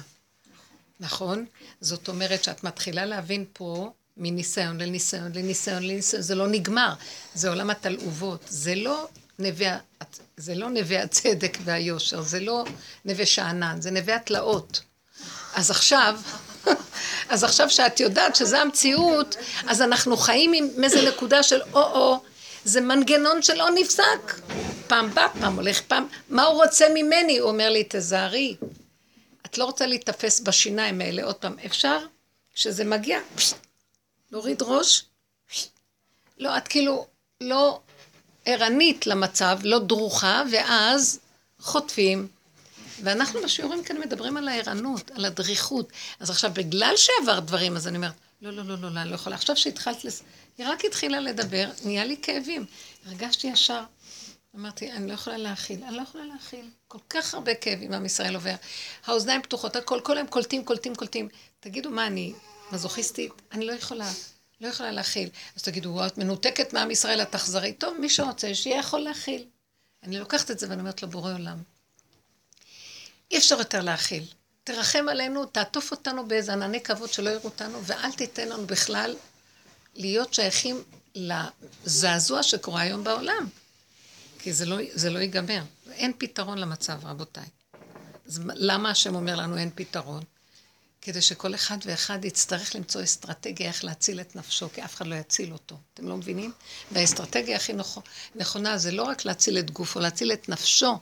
הוא צריך לקחת את הנפש שלו ואת התודעה שלו ולהוריד אותה פנימה. כי זה המערה של רבי שמעון. שם אף אחד לא יראה אותך. כי כשאת פה, כל מוצאני חד ושלום יכול להרגני. אתם לא מבינים שהתודעה של כדור הארץ גורמת את הדבר הזה? ככל שהם יותר יודעים ומבינים, זה מבקר את זה, וההוא את זה, וההוא את זה, זה, זה עושה את כל הסערה הזאת של המלחמות. וזה לא ייגמר. פשוט, אתם יודעים איך ייגמר כל המצב הזה של המלחמות? זה לא ייגמר, כי התוכנה הזאת לא תיגמר. היא לא נגמרת. פשוט אנשים ישלשלו את עצמם לעולם חדש, לתודעה חדשה. אתם מבינים מה אני מדברת? אולי אני מדברת בעננים? אה, אתם, אתם לא איתי, לא? אתם קולטות מה אני אומרת? אין לאן ללכת, רבותיי, זה לא ייגמר. גם לו יצויר שיגמרו ששת אלפים שנה לפי התוכנית היהודית, נשמות שלא עבדו למצוא את האסטרטגיה איך לצאת לקראת הסוף, לפי השיטה של החשיבה היהודית, אז יצטרכו לחזור בגלגולים לששת אלפים שנה הבאות עוד פעם על עץ הדת, עד שנתפוס איפה הנקודה. כן, זה האין סוף של הסזיפיות. זה כתוב שהגיהנום, אה, על הרשעים שהגיהנום קלה והם לא קלים. אתם יכולים להבין את המצב הזה? הצורה של החשיבה הזאת היא, היא, אה, היא, היא, איך אני יכולה להגיד את המילה? כור ההיתוך שהשם סידר לנשמות שדרכן הן יכולות להזדכך. עד שלא תזדכך הנשמה האחרונה בעולמו של השם. אה? כמה זמן יש לנו? אתם יודעים, לפי המקובלים, הם גם מדברים ביניהם, הם אומרים שזה הששת אלפים השני של הבריאה, ויש אה, שש של שש, שזה ארבעים ותשע. אה, שבע פעמים שש, סליחה. נו? אנחנו רק בשני. הם טוענים, לא, כי כתוב, באיזשהו מקום מצאתי שכתוב שמשה רבנו השלים את עצמו בשמיטה הקודמת. אני לא, לא רוצה להיכנס בזה, זאת אומרת, אני לא יודעת מה חשבונות שמיים, אני יודעת שעכשיו יש הזדמנות להיכנס בה, לעשות תשובה. לעשות תשובה זה ללכת אחורה. מה זה ללכת אחורה? לא רוצה יותר להיכנס במוח הזה, משגע אותי, לא רוצה. היה לי מטח של מחשבות ביום שישי לפני שבועיים. אולי דיברתי איתכם על זה? פה בשיעור? לא. זה היה מזעזע שאי אפשר היה לתאר. הרגשתי, ובאמת זה היה לפני שבועיים. לפני שבועיים, ביום שישי, יכול להיות ש... אני לא יכולה להסביר לכם מה היה. מלחמה, מלחמת עולם. אולי קלטתי את יום שישי הזה, אני כבר לא יודעת מה היה. חשבתי שאני הולכת, המוח התקיף זה את זה ואת זה את זה, ואני, שאני שלי ביניהם, אתם מבינים? כמו גוג ומגוג, ואני ביניהם. אחרי זה שלושה ימים הרגשתי את כל הגוף כואב. ואחרי ש... קיבלתי ידיעה ברורה שזה לא מה הם אמרו בתכנים האלה, אלא זה המשוגע קם במלוא עוזו ושגעונו. ורצו להמחיש לי עד כמה הוא משוגע. ואחרי, ביום ראשון, אחרי הניסיון הזה, ממש יצאתי חולה בגוף. כל מה שיכולתי לעשות חזק חזק. כל פעם שבא לי מחשבה אמרתי, אני לא מציאות. שמעתם? באה מחשבה, אני קולטת מחשבה באה, פחדתי ממנו כל כך שהתחיל לריב עוד פעם עם המוח. ותשמעו, אני יושבת, ישבתי באיזה ספסל, כי לא יכול... טח, טח, מטח כזה על מטח כזה, מטח כזה. ואני מתגונ... התקיפו אותי, כאילו התקיפו אותי. את כזאת וכזאת וכזאת, וכך עשית, ותדעי לך שאם ככה עשית, אז ואלה שאת חושבת שככה, הם לא סובלים אותך, ומשהו משוגע שאי אפשר לתאר. ואני מסתכלת ואומרת, מה קמת עליי? בסך הכל, היה לי איזו מחשבה קטנה של איזה משהו, והוא התנפח והתנפח והתנפח, וזה היה משוגע. ואז ראיתי, ביום ראשון כבר הבנתי שפשוט רצו להמחיש לי את גודל השיגעון של עץ הדת, וכאילו אנחנו הרבה פעמים מסכימים לו ומדברים איתו וחיים אותו, והוא יקום עלינו רגע אחד והוא יבלע אותנו חיים, ואני בסכנה גדולה, ומה שיכולתי רק להגיד, כל פעם שבאה מחשבה, אני לא מציאות. צללתי במים. אתם מבינים מה זה הלא מציאות? לא נתתי למחשבות להתלבש עליי, איזה זיז, שיתלבשו עליי ושאני אענה להם ו... ויהיה ככה, ואני אהיה קשורה לעניינים. אפילו שהיית, זה אומר לי, את מכירים איך זה, את קמה בבוקר ויש לך מחשבות, ואת קמה ויש לך מחשבה כזאת. פתאום אמרתי, לא, לא, לא, לא, המחשבה הזאת לא קשורה אליי. היא מדברת איתי על מישהי שהתארחה אצלי, ו... מחשבות, מחשבות, כל מיני. לא קשור כלום, אני לא מציאות, אני לא מציאות, זה מאוד עזר לי המילה, אני לא מציאות. נועל את המוח, אני לא מציאות, לא רוצה לחשוב. אז מה כן? אתה רואה את הכוס? אתה רואה את זה? כאן ועכשיו. עכשיו, היא תבוא לפתות אותי, עם ישראל במצוקה, היא תבוא לפתות אותי, לא יכולה להכיל את זה. לא יכולה להכיל את זה. איך את יודעת שהוא הוא באמת... אני לא יודעת. לא שאני חושבת, הוא באמת. מה? זה סתם, היא לא, אמרה אני גם אומרת, במחשבה גם על הבוס. המחשבה על הבוס, על הבעל, לא זה לא משנה, על מחשבה, המישהו זה. מציאות כאילו זה לא מציאות, כי זאת זה לא מחשבה. שאנחנו חושבים עצמנו, יודעים שמה טוב. המחשבות יוצרות מציאות, אני לא רוצה. לא רוצה את המציאות הזאת. הוא קיים, הוא אומר לי פקודות, תעשי, תגמרי, תלכי, לא רוצה, אל תעבדי. איך? למה אני צריכה ללכת? למה? אל תלכי. אני לא הלכתי שלוש שנים. אל תלכי. להמשיך לא ללכת? כי לא הלכתי שלוש שנים. אפשר? חפשים, את חושבת שאם לא, תרצי, כי כאילו מראש אני אומרת, למה בכלל להיכנס בזה? אל תיכנסי בזה. אם את רוצה מה שאת תחליטי, השם ייתן לך. אני לא מתאים לי לעבוד, תגידי, אני לא מתאים לי לעבוד. אז תגידי, אני מרדנית ואני לא יכולה אחרת, ולכן אני, הוא ירגיז אותי כי הוא מרדן, ואני מרדנית, תודי באמת. תקריא את הפגם, תודי ותגידי, ריבונו שלם, אני סכנה. לא רוצה, לא יכולה. בשביל להתקיים פה, לאכול לחם, להתקיים, לקיים את הגוף הזה, לא צריך לעבור עבדות של פרעה ולבנות את פתאום ואת רמסס. תזמן לי את ה... הטריפני לחם חוקי, אתה הבאת אותי לעולם, מגיע לי לחיות. עכשיו צריך לפרק הרבה שקרים ושטויות שיש לנו, שאנחנו רוצים גם זה וגם זה וגם זה וגם זה, וכל היום מעסיקים את עצמנו בעבודות כדי לספק את כל הדמיונות. זה נקודת אמת, שתתבונני, מה שווה לך באמת? בחיים שווה לך שאת לא תהיי משועבדת. את בת חורין, את לא צריכה להיות משועבדת. מי שלוקח את העבודה עד הסוף, הוא לא מוכן להיות משועבד. אני לא לוקחת את מה שאת אמרת לי עכשיו עם, לא- הידיעה הזאת של, הרב ליטמן, לייטמן, ליטמן, עליו השלום. ואני, ש, שהשיעור יהיה לנשמת הקדושים. נתנאל ויעקב ליטמן. למה שלום, תהיה נשמתם צורה בצרור החיים. וגם לעילוי נשמת זלמן בן צבי. כל המהלך הזה, שאני רק נזכרת, אז אני אומרת, ריבונו של עולם, הנשמות שלך, הנשמה לך והגוף פה לך. תחוס על העולם שלך. וכל זה קורה כי אנחנו התרחבנו וגדלנו, ויותר מדי אנחנו יכולים וגדולים, ואנחנו לא נותנים לך מקום בעולם. ואז אתה שולח את כל המהלך הזה. אני רוצה לחזור למקום הזה ולמסור לך, שזה יהיה לעילוי נשמת הרב ליטמן.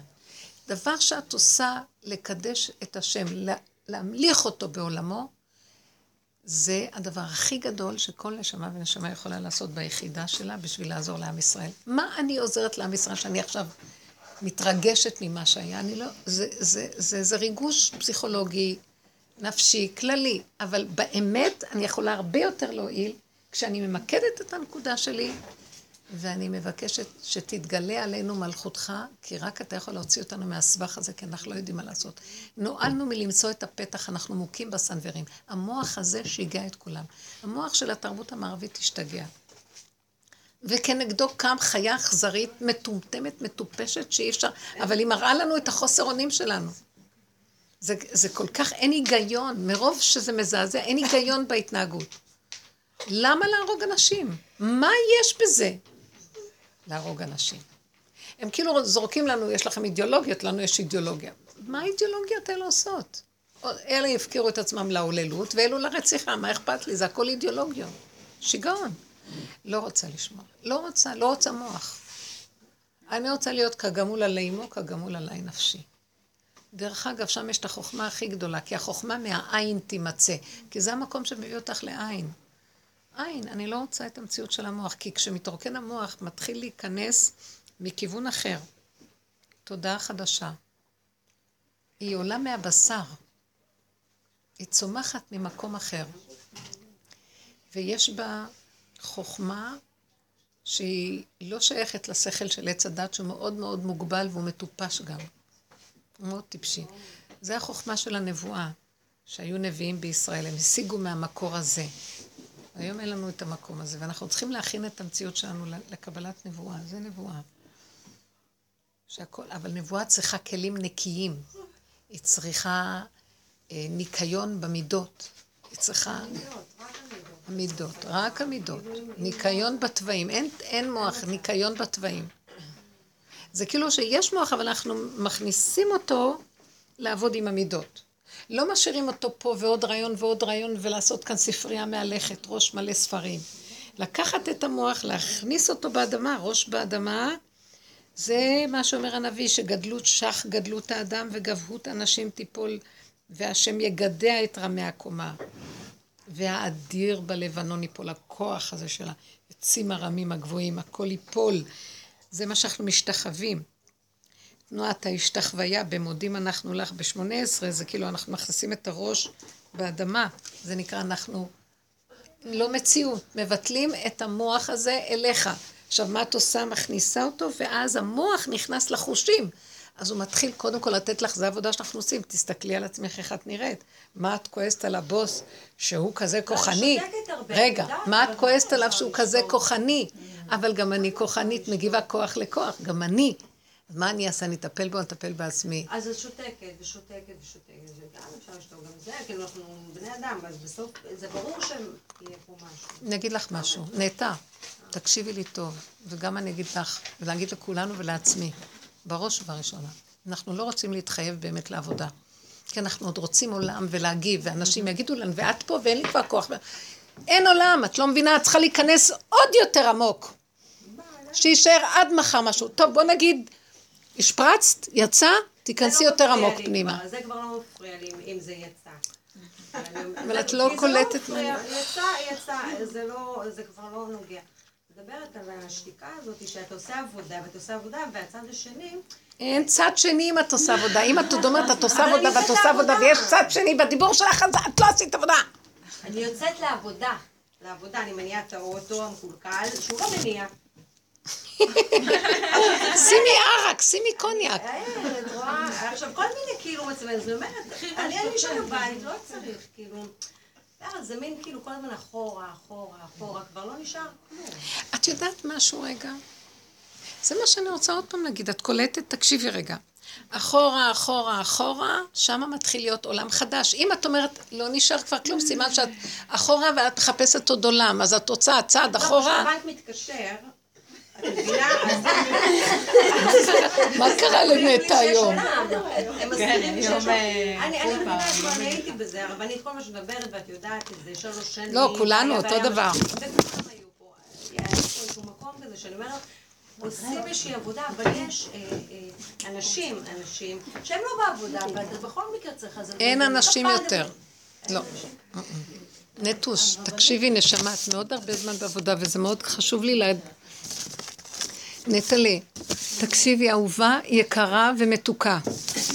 את רוצה להישרד ולחיות חיים טובים? העולם יהרוג אותנו, את לא מבינה, במדרגה איפה שאת נמצאת, יהרגו אותך אם תמשיכי, תמשיכי להסתכל שיש עולם. שיעשו, שידברו, שאין עולם, יש בורא עולם. עכשיו זה כבר מתחיל להיות יותר מחייב, כי ככל שיש עולם, לא יהיה בורא עולם. ככל שיהיה בורא עולם, כבר העולם לא יהיה ממשי. את פתאום תראי כמו הצגה, דמויות.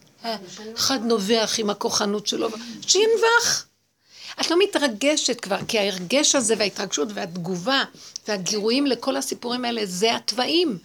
זה המקום שלא ממליך את השם. כי השני אמיתי, אין אף אחד פה, זה דמיון. אמרתי לכם, הייתי נכנסת ל... רציתי להיכנס לרב אושר, אז לא יכולתי, כי הייתי מפחדת מהגבאי. גבאי כמו כלב נובח היה עומד שם, וזה מת מפחד, ואני מחכה, מתי הוא הולך כדי שאני אוכל להיכנס, מתי אני עושה? נתתי לו ממשות. ואחר כך הייתי נכנסת סוף סוף באיזושהי צורה, אז רבו שרי אומר לי, נו, למה לא, למה לא באת כבר קודם? אז אני אומרת לו, יש שם גבאים שלא נתנו, אז הוא אומר לי, אין כאן אף אחד, אין אף אחד, איפה יש גבאים? עכשיו, מה, מה, מה אין אף אחד? יש שם גבאים.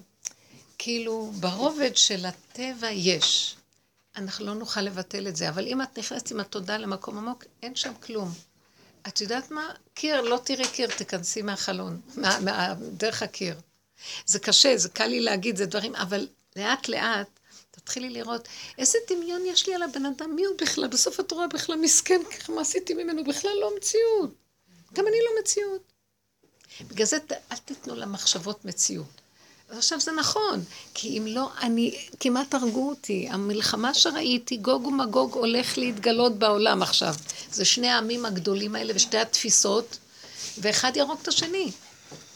ואני ביניהם, עם ישראל ביניהם, אתם לא מבינים מה קורה, אתם לא שמים לב איך זה נראה? עכשיו, אני, אני אומרת, כל פעם אנחנו אומרים, איזה כאילו תרבות ההכלה של נתניהו וכל המדינה שאנחנו לא זה, והחוקים שלנו, שאנחנו, השם גם באיזשהו מקום מרחם עלינו, שההכלה הזאת והשתיקה וההפנמה וישמע חרפתו וידום, היו לנו המון תקופות שראינו איזה התנהגות של כל כך הרבה אלימות, וזה צריך לפרק את כל הערבים פה, וזה לא. שתקנו, שתקנו, הכלנו, כאילו שזה לא היה נראה צודק, אנשים מתים. בסוף הוא מקים עלינו, מפיל לנו חללים, פתאום מאירופה מתחיל להתעורר משהו, שישימו שם עכשיו את הדגש. לא יסתכלו עלינו, שיראו קצת איך אנחנו נראים. כאילו באיזשהו מקום מתחיל הגוש הזה לקום נגד הגוש הזה, אתם לא שמים לב, עכשיו זה מתחיל להיות, מי יודע מה לאן זה יתפשט. כל הכוח הזה של שתי הכוחות הגדולים האלה, החיות הגדולות האלה, שבספר דניאל הוא מתאר, אחת תעמוד מול השנייה. בשעות האלה אנחנו צריכים למצוא מקום איפה להימלט. את לא תוכלי להגיד זה ככה והוא ככה וזה כאן. אין לנו שיג ושיח בדבר הזה, רק השם יכול לטפל בגוג ומגוג הזה. אני, אוי ואבוי לנו, אנחנו. בכלל לא קשור, צריך להיזהר. אז לכן, ככל שאנחנו נמצא את הנקודה, מה אכפת לך מהבוס הזה? אל תעבדי אצלו. את לא יכולה, אל תעבדי. יצאת, יצאת. אל תתרגשי מכלום, לא ממנו ולא ממך שיצאת. כי את והוא זה אותו דבר, מה אכפת לי אם תתרגשי מזה או מזה או מזה? אל תתרגשי. לפני יכולת להתאפק טוב, לא יכולת, עוד יותר טוב, שלא תחשבי שאת יכולה לעשות משהו. תחזרי אחורה. ותורידי ראש, וכל הזמן תגידי למחשבות שלך, זה לא מציאות, אני רוצה להיות ילדה קטנה שמחה. תעטוף אותי, תחזיק אותי, תן לי לי... אני לא רוצה לעבוד. לא, לא, גם אני לא רוצה, גם אני לא. אני מבינה אותך, את צודקת, ואני מאחלת לך ולכולנו, מי שעובד את השם באמת, רוצה לצלול, להקים את השכינה ולעבוד באמת, הוא פטור מכל עבודות, עד אליו הכל יגיע. כמו המן שהיה מגיע עד פתחיהם של הצדיקים, כי הוא אמר, השם אומר לנו, אתם תעשו לי עבודה ואני אפרנס אתכם. אתם לא רוצים לעשות לי עבודה ורוצים להתפרנס לבד, תלכו במועצותיכם, בשרירות לבכם, תסתדרו, נראה אתכם, אתם יכולים להרים את העול הזה עליכם. כי יש כאן איזה מנגנון משוגע שמה שיש לך, אף פעם אין לך. אדם, יש לו מנה רוצה 200, ואין אדם מת וחצי תאוותו בידו. נגמר הניסיון הזה, והוא ניסיון אחר. נגמר עוד זה, אפשר למות שם מהניסיונות, אי אפשר, זה סזיפי. לא, לא, לא, לא, תברכי מזה. מה זה תברכי מהתודעה הזאת? אני לא אתמודד עם הכוחנות של בעל הבית, הוא יותר חזק ממני. בק... ברובד של עץ הדת, זה, זה משוגע. זה כוחנות, זה גסות, אין עדינות, אין, עד... אין, אין נפש. אתם יודעים מה זה מדרגת הנפש בדקות, הכל דק, קטן, מדויק. אנחנו חיים בגסות איומה. הכל גס פה. אתם מבינות מה אני מדברת? אבל כאבים. איך? הכאבים מהדמיון. בעדינות, בפנים. מה? כשנכנסים פנימה, גם בפנים, אז לפעמים הכאב עוד יותר גדול. כשהוא מגיע, אולי הוא מגיע יותר אה, קטן. תגידי לבורא עולם, תקשיבי. אבל הוא יותר כואב. אני לא יודעת על מה את מדברת שזה כאב. יכול להיות שזה בא מהמחשבה שלך, שאת רוצה להשיג משהו ואת לא משיגה. את יכולה לא לתת לי, נשארים כל הזמן. את יכולה לתת לי דוגמה מה זה הכאב? זה יכול להיות, נכון, לא נשארים כל הזמן ב... לא יודעת, אני לא נשארת כל הזמן, אני יכולה להיות בעבודה, ואז זה נר- נאבד, נרגע. כן, ואז חוזר, ואז... אבל כש... כאילו, אה, ככל שמתקדמים, הניסיון הוא נכון, יותר דק. יותר עכשיו רגע. נכון, אבל במקום הזה את גם יכולה להגיד לו, אני לא יכולה, אני תמיד אומרת לו, אבא, אני לא יכולה להכיל את זה, זה גדול עליי. תישארו ילדים קטנים של השם, זה גדול עליי. אל תהיו יכולים, גדול עליי. אתה כל יכול, תתגלה בעולמך, תסדר את עולמך. אני נותנת לו את השרביט למלוך. אתם לא מבינים שהוא נתן לי את המפתח, ואני זאת שצריכה להמליך אותו? הוא לא ימלוך לבד. הוא בגלות, ואני צריכה להוציא אותו מהגלות, זה המשחק שלו. הוא יכול לעשות מה שהוא רק רוצה, אבל הוא כלל, הוא הכניס את עצמו, כלא את עצמו בכללי משחק. אז אני צריכה להמליך אותו ולהגיד, אבל אתה מלך, כי הוא שכח להיות מלך, אז אנחנו צריכים להזכיר לו שהוא המלך, ובפועל גם לתת לו את המלכות. זאת אומרת שאם אני דואגת, אז הוא לא מלך. אתה תדאג לי, כי אם לא אני אדאג, אני לא רוצה לדאוג. כי אתה מלך ואתה כל יכול, ואתה הבאת את האדם לבריאה הזאת כדי לספק לו את צרכיו בשמחה ובטוב לבב, ליהנות אותו מעולמך. למה נהיה לי ככה? כתוצאה מהמנגנון של עץ הדת. לא רוצה, אני מוסרת לך אותו. עוד פעם, עוד פעם, עוד פעם, עוד פעם. כן. אני רוצה לש- לשתף על כן. העניין הזה. אה, נגיד הילד הלך עכשיו בבית ספר, אז יש מורה, ואני ראיתי, הראש שלי מתחיל לנסות להבין מה המורה, איך הילד, כל מיני אה, דברים שהיא אומרת, אני ישר מתחילה לחשוב, כן, לא, קיצור, המוח השתגע, לא נלאה את כל הסיפור אל. תכניסי את עצמך בו, אל לא, תקשיבי לו. ואז יום אחד אמרתי, באמת, מה את, אה, את לא יודעת. מה אכפת לך? הוא הלך, הוא בא. לא יודעת מה היא, בסדר, לא בסדר, הוא בסדר, אין לי מושג. תעזבי. ובאמת כאילו חזר, החזרתי את זה אליו. יודע, שמת אותו שם, הוא שם, זה לא יודעת. תתפללי, תגידי באותו רגע, כן, אבא, שיהיה לו מתוק, שיהיה לו נעים, שלא. יכאיבו לו ושלא... בדיוק, הסתדר, לא יודעת, משהו הסתדר. אבל היה, למה אני רגע. משתפת? כי באמת המאבק הגדול הזה של המחשבות שלי, האימא, את צריכה לדעת. בדיוק, כי זה התרבות. מה טוב לו. כן. את צריכה להחליט, את צריכה בדיוק. לא, אני לא מי יודעת, שאל גם אותך? רגע, לא מישהו. שאל אותך? לא יודעת. סתם הוא קפץ לו המוח. מה מלמדים אותו שם? מה היא אומרת לו? הוא בסדר? לא בסדר? הוא כן לא בסדר? את יודעת מה? בואי לא אני אגיד לך. בדיוק. סתם. זה השיגעון. אז זה הכוחנות של, ה- של הכוחי ועוצמתי של עץ הדת שלנו. באותו רגע, רגע, יש לי להגיד לך משהו. השם שלח גם את השיגעון הזה, כדי שרגע אחד תמשכי את המוח לפה, תמשכי את החוט הזה, ותגידי לו, אבא, שלחת את המחשבה, אני לא נכנסת בה. אל תיכנסו בסקאלה הזאת, כל באיה לא ישובון. אפשר להשתגע, אנשים משתגעים היום, מחשבות כפייתיות, חרדות, זה נובע מזה. ותבקשו רחמים, אבא. אם אתה לא תשמור על הילד, מי ישמור עליו? שמור על כל ילדי ישראל.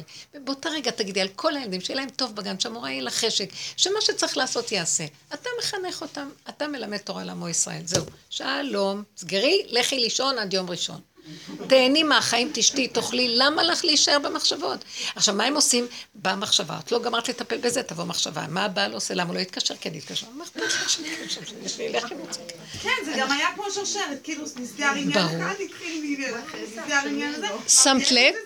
אתם יודעים. שלאחרונה נהיה משהו מאוד מסוכן, כאילו מה שהוא אמר לי, הולך להיות בעולם שיגעון במוח, זאת אומרת, הולך בעולם להיות שיגעון של עץ הדת, והמלכויות מתחילות לריב, וזה יהיה מוחשי והרבה יותר חזק, ואנשים בשנייה נתפסים בכפייתיות. התקשרו אליי לפני, כל שבוע שעבר, לפני שבוע גם קודם, נשים שאני מכירה, רגילות, שאמרו לי שהן נתפסות עם מחשבות יתר, והן לא יודעות מה לעשות, זה נראה משהו כפייתי, מה הן לא? מכירות את עצמן ככה. ואז אמרתי, תסגרי, יורים, יורים, להוריד ראש. מה הייתה אומרת סוניה גרביץ'? ירים, ירים. מורידים ראש. כי זה, זה הולך להיות ככה באמת. ממש כנראה קולטים את מה שקורה. אני לא אבל יודעת, שאת הם- תוך הם כדי המחשבה. הכפייתית, מה מה את... איך, איך? תוך כדי שאת מחשבה, במחשבה הכפייתית, שיכולה להיות. את קולטת שאת במחשבה, את כן. צריכה תודעה מה על תודעה. את צריכה? משהו שמסתכל, שרואה, ושאת בסכנה. תחי את הסכנה ותגידי, לא, לא, לא, לא, עכשיו אני רוצה לחזק את הנקודה פה. חזק. אל תיכנסו בכלום. ישר תגידו, אני לא יכול, ולא, לא, לא, ואחורה. זה מסוכן. תגידו, לא, לא, אני לא יכול, אני לא מתערב, אני לא מבין. אם יש מצוקה הכי קטנה, לא להיכנס בה. לא לנסות לפתור אותה. לא לסדר מצוקות. להגיד, אני לא יכולה. זה דמיוני, אין שום מצוקה, הכל דמיון. נושמת זה, מה, מה יתונן אדם חי, אומר הנביא, די לו שהוא חי. תגידי, אני נושמת, זה דבר גדול. לא, המוח בא ואין לי זה ויש לי זה, והוא אמר לי ככה ולא אמר לי ככה, אני לא יכולה לישון כל הלילה, כי הוא אמר לי ככה. שיגיד עד מחר, ושיגיד, אני רוצה לישון טוב בלילה. בפשטות קיומית פשוטה, כמו ילד קטן שמח. תיזהרו והזהרתי אתכם. אני לא סתם אומרת את זה, בחוש. מה אכפת לכם? לא צריך להשתגע על כלום, גם לא על עבודות ומדרגות והכול. אם הולך ברכות וזה, תודה. ולחיות את הסכנה תמיד. לא הולך לו כל שכן. לא, לא, לא, אני לא יכולה. את לא יכולה להתמודד עם משהו, בא מפה מפה, תעבירי את זה לבור אני לא יכולה להתמודד, זה גדול עליי. זה גדול, זה גדול, זה קשה, זה קשה. אני לא יכולה, לא עומדת, לא עומדת. אתה חי וקיים, הראית לי שאתה חי וקיים. אז תתגלה עליי שוב. אני ילדה קטנה במדבר הנורא הזה, זה מדבר אכזרי. זה הופך להיות עכשיו יותר ויותר מסוכן. בבקשה, אלה שבשיעורים תרדו, תחפשו את המערה הזאת בפנים. תרדו פנימה, תסגרו. את החלק הזה, הקודקוד שיער מתהלך בהאשמה, תרדו פנימה, תצללו, תנשמו.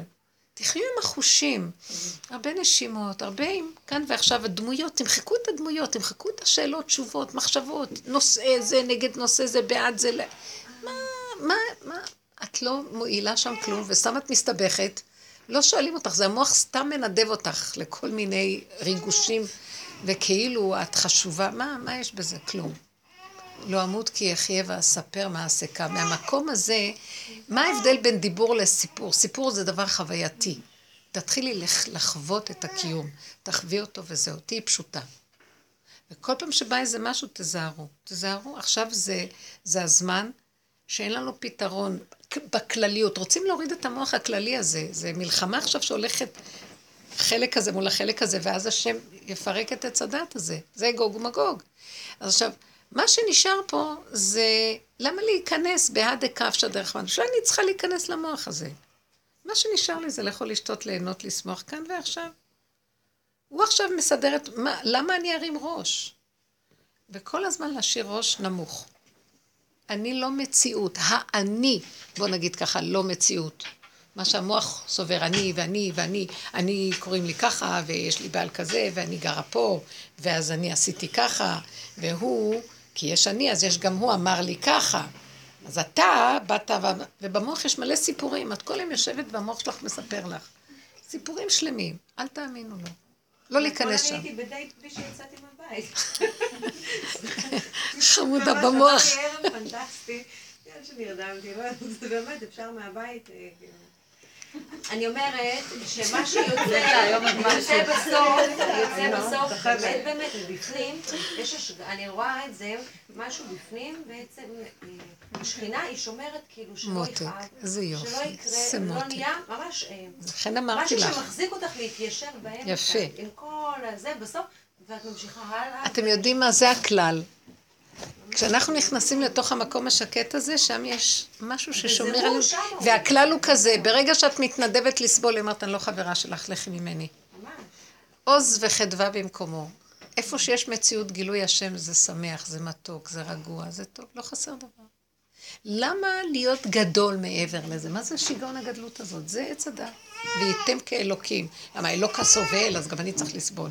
נמאס לנו מתפיסת הגלות והסבל. כבר אי אפשר לסבול, עם ישראל כבר רווי. כי אנחנו לא גומרים את התפיסה הזאת. אתם מבינים שזה לא ייגמר? וזו השיטה של לקבל על עצמנו עוד, ונעשה עוד מה שדיברנו אז, ונעשה עוד. לא רוצה, לא יכולה, תקבלו מי שבדמיון שלו חושב שעוד מציאות. כלום. לא, לא נדרש מאיתנו גם כלום, זה הכל גדלות. שעד שלא נמצה אותה, עד שיתפוצץ הבלון הזה, לא ייגמר הדבר הזה. אני אגיד לכם, אני לא מחכה שהוא יתפוצץ, שימו סיכה. זה לא נורמלי. מה, לא רואים את הסבל שיש בעולם? לא רואים את כל ה... למה שאדם יסבול? למה נולדנו לסבול? נולדנו להגיד תודה, הכרת הטוב ותודה, קורבן תודה, זה מה שעתיד להישאר. תודה, תודה, תודה. תודה שנושמים, תודה שיש אוכל, תודה שרגוע לי. תודה שהילד מסודר, תודה שזה ככה, ותודה. ועכשיו אם יש איזה משהו שמכאיב לי, אז אני, אני לא יכולה להתמודד עם זה. אבא תרחם אני לא יכולה. אני שומעת כאבים על אנשים, אני ישר מתפלאת, אה, אני לא, אנחנו לא יכולים להתמודד עם כלום, תרחם עליהם, תתגלה ותעשה שם ניסים ונפלאות. עכשיו אתה תוריד אור פשוט. לא יכולים. אתם יודעים, מזמן היינו יכולים לחיות ברובד כזה. כי אנחנו עוד יכולים, אז הוא זז ומחכה שנפסיק להיות יכולים. כי כל עוד יכולים הוא טוב, יש לכם עוד אה, כמה בלוני אוויר אה, לפרק, אז תמשיכו לרוץ. כי יש בבריאה, יש בחירה. ולא רק יש בחירה, יש נכ... כבוד לבחירה. הקדוש ברוך הוא יצר את האדם עם בחירה. והוא מכבד את הבחירה שלו. אתה רוצה לחטוף מכות, אני מכבד את הבחירה שלך. הוא ישלח לך רמזים, סיבות לעזור לך לא לחטוף. אבל בסוף הוא יושב ובוכה איתך ואומר, אני לא רוצה שיהיה לך כאבים. אתם לא מבינים? זה הנקודה. להציל את המציאות של החיים שלנו, זה לאהוב את עצמנו בפשטות, פשטות, פשטות. לא ללכת בגדולות, בגדולות ונצורות. כי איך דוד המלך אומר? כי לא הילכתי בגדולות ונפלאות ממני, אם לא שיוויתי ודוממתי נפשי, כגמול עלי אמו, כגמול עלי נפשי. הוא בא ואומר לנו, אני נשאר קטן. ואז השם אומר, וואו, עד, ש, עד שבא בן אדם אחד בבריאה שנשאר קטן, זה משיח צדקי. כי כולנו הולכים בשיגעון הגדלות, התפיסה היא גדלות. והוא אמר, אני יורד, גם הוא רצה להיות גדול. הוא חטף מכות, חטף מכות על מכות על מכות. עד שהוא קלט והבין שהשם רוצה ממנו שהוא לא יהיה מציאות. לא שהוא יהיה איזה גדול לכבוד השם. לא לכבוד ולא לפני ולא אחרי, כלום. אני לא יכול. יסוד העין, אין לי מציאות. רק אתה חי וקיים, ואתה מציאות הקיימת, אנרגיית החיים התלבשה עליו והתגלתה. מתוכו. וזה נקרא גילוי מלכות השם. וזה קודם כל יתחיל לנבוע מתוכנו, אחר כך יופיע במדרגות יותר גבוהות גם מהמקיפים הגבוהים. אבל קודם כל בתוכנו יש אנרגיית חיים שמוטה, מתה. זה נקרא שכינה בגלות, וצריך להקים אותה. וזה אנרגיית החיים, מה זה שכינה? הכוח השוכן איתנו, שמחיה אותנו, והדמיון שלנו אומר, לא, זה אני עשיתי. זה דמיון משוגע, אין אני בכלל, זה השם עושה הכל דרכנו, אבל אני לא אתן לו את הכבוד, זה אני. אני דואג, אני אכפת לי, אני כאוב, אני, אני רחמן, אני זה. והעבודה הזאת מחזירה אותנו בתשובה אחורה, תשובו, תשיבו את הגזלות אליי. איך רבי נחמן מדבר, להשיב את כל הגזלות, את היראות הנפולות, את הכל. תשיבו את הכל אליי, הכל זה אינטרסים. אתם בממלכת של שקר. הכל זה ישות ואינטרסים ו- וחשבונות רבים וגנבות עצמיות. ואני בגלות. אתם לא מחיים אותי. אתם לוקחים את הכוח שלי, משתמשים בו להגדיל את עצמכם. ואני בגלות. אתם מבינים מה זה ש... ש... ש... גלות השכינה? וכל פעם שאנחנו רואים את השקרים שלנו ומודים בהם ונכנעים ומסכימים, השני מראה לי את זה. הבוס הזה הראה לי אותי, זהו זה. ועכשיו אני לא רוצה, אז אני אומר, אבל אני כזה ואני מסוכן. כי הוא, אם אני אשייך במערכת הזאת, הוא יגרה לי את הכוח השלילי הזה, אני לא רוצה להשתייך למערכת הזאת. כי זה אין סוף, מה שאני לא מתקנת, איפה שאני לא אלך, עוד פעם זה מגרה לי. בסוף החכמים האמיתיים מבינים שהעולם הזה הוא מעוות, ואי אפשר לתקן אותו. כי יש לי אתגר, מה, אני, אני ככה, אני, אני אעזור לו לתקן, אני אתקן את עצמי. מה שלא עשיתי לתקן את עצמי, נשארתי תקועה, אני מעוותת, אני אומרת לכם את האמת, זה לא נגמר. אז הבנתי שאני, מרוב שכבר אין לי כוח, אחרי כל כך הרבה מלחמות, נשארתי עם פוטנציאל מסוים שהוא גם יש לו סכנה, אם הוא יבוא לידי ביטוי שיפגוש אחד דומה לו. הבנתם? אם השקר יפגוש את הפחתה, יש מה שנקרא שקר ופחתה, זה שתי, שני, זה זיווג מאוד טוב. שקר ופחתה זה נקרא. זה סוג, זה סוג של שקר, זה זיווג כזה, שני שקרנים נפגשים. או שני אכזריים נפגשים, או שתי כוחניים נפגשים, או שתי כאלה. הבחוץ מגרה לי את הנקודה. עד שלמדתי ש... עם הזיווג. הוא מגרה לי נקודות ש... שישנם בתוכי, ואז אני מעל... צפה, ואז מעורר לי כאבים. ואז אנחנו מדברים, או אנחנו מתווכחים. זה לא נגמר. אז שלמדתי, תפנימי פנימה. אבא, הכוח הזה שיצרת לי פה, רק אתה יכול לשלוט בו ולהכיל אותו ולטפל בו. אני לא רוצה להיות הנושא שלו, כי אני לא יודעת איך להסתדר איתו. אני אריב כל היום בעלי, אני לא רוצה, אין לי כוח. ונהיה שקט. עכשיו, מה קרה? השם מתגלה בכוח הזה, והוא אומר לי, אני בראתי את הכוח הזה שאני אתגלה בו, ואני אנהיג אותו, אבל אתם חתכתם את עצמכם ממני, והלכתם לסדר לכם איזה אני שיושב על הטבע הזה, ואז הטבע הזה נהיה גדלות ודמיון ושיגעון. ואני חוטפת ממנו מכות, לא רוצה. לא ישתנה לי הטבע, הוא רק יתקטן הדמיון, ונשארתי שהשם ימלוך על הטבע הזה. מה נהיה כאן חידוש? שעל הטבע הכי פשוט מתגלה השם. נמצא שהשם הוא האלוקים, הוויה הוא הטבע, הוויה הוא הטבע. הכנסתי אותו בטבע. מה אנחנו חושבים? רוחני, יש טבע ויש השם. אומר הרמב"ן, כל מי שחושב שיש טבע ויש ניסים, אין לו חלק בתורת משה. שמעתם מה הוא אומר? זה כפירה, כי הטבע זה השם. אז למה אני לא אומר, הכוס זה השם? כי המוח שלי אומר, לא, כוס זה כוס והשם בשמיים. אין שקר יותר גדול מזה. אם הכוס הזה חי, הוא עומד פה והוא לא נעלם לי מהעין, יש מה שמחיה אותו עכשיו. לעולם השם דברך ניצב בשמיים ומחיה אותו. אז אם כן, הכל זה אלוקות, רק המוח שלי לא נותן לי לראות את זה. ואז אני בוכה, למה הם עשו לי ככה, ולמה הוא אומר לי ככה? הוא שלח אותם, מה הוא רוצה ממני? שאני אחזור אליו ואני אמליך אותו, זה שלך הכל ואני לא יכול כלום. אין תשובה יותר גדולה מזאת. מתחיל להיות אור קטן, חדש, אמיתי, פשוט, והאדם הוא כמו ילד קטן, מתרפק על השכינה, והיא משמחת אותו, מחיה אותו, נגמר לו החרדות של הקיום האלה וכל הסבל הזה, כל המשפחתיות הזאת וזה. זה של השם הכל, והוא עוזר לי. מה אני עושה פעולות? כי זה, כן, זה עולם המעשה, ואנחנו צריכים את הפעולה והתנועה, זה טוב.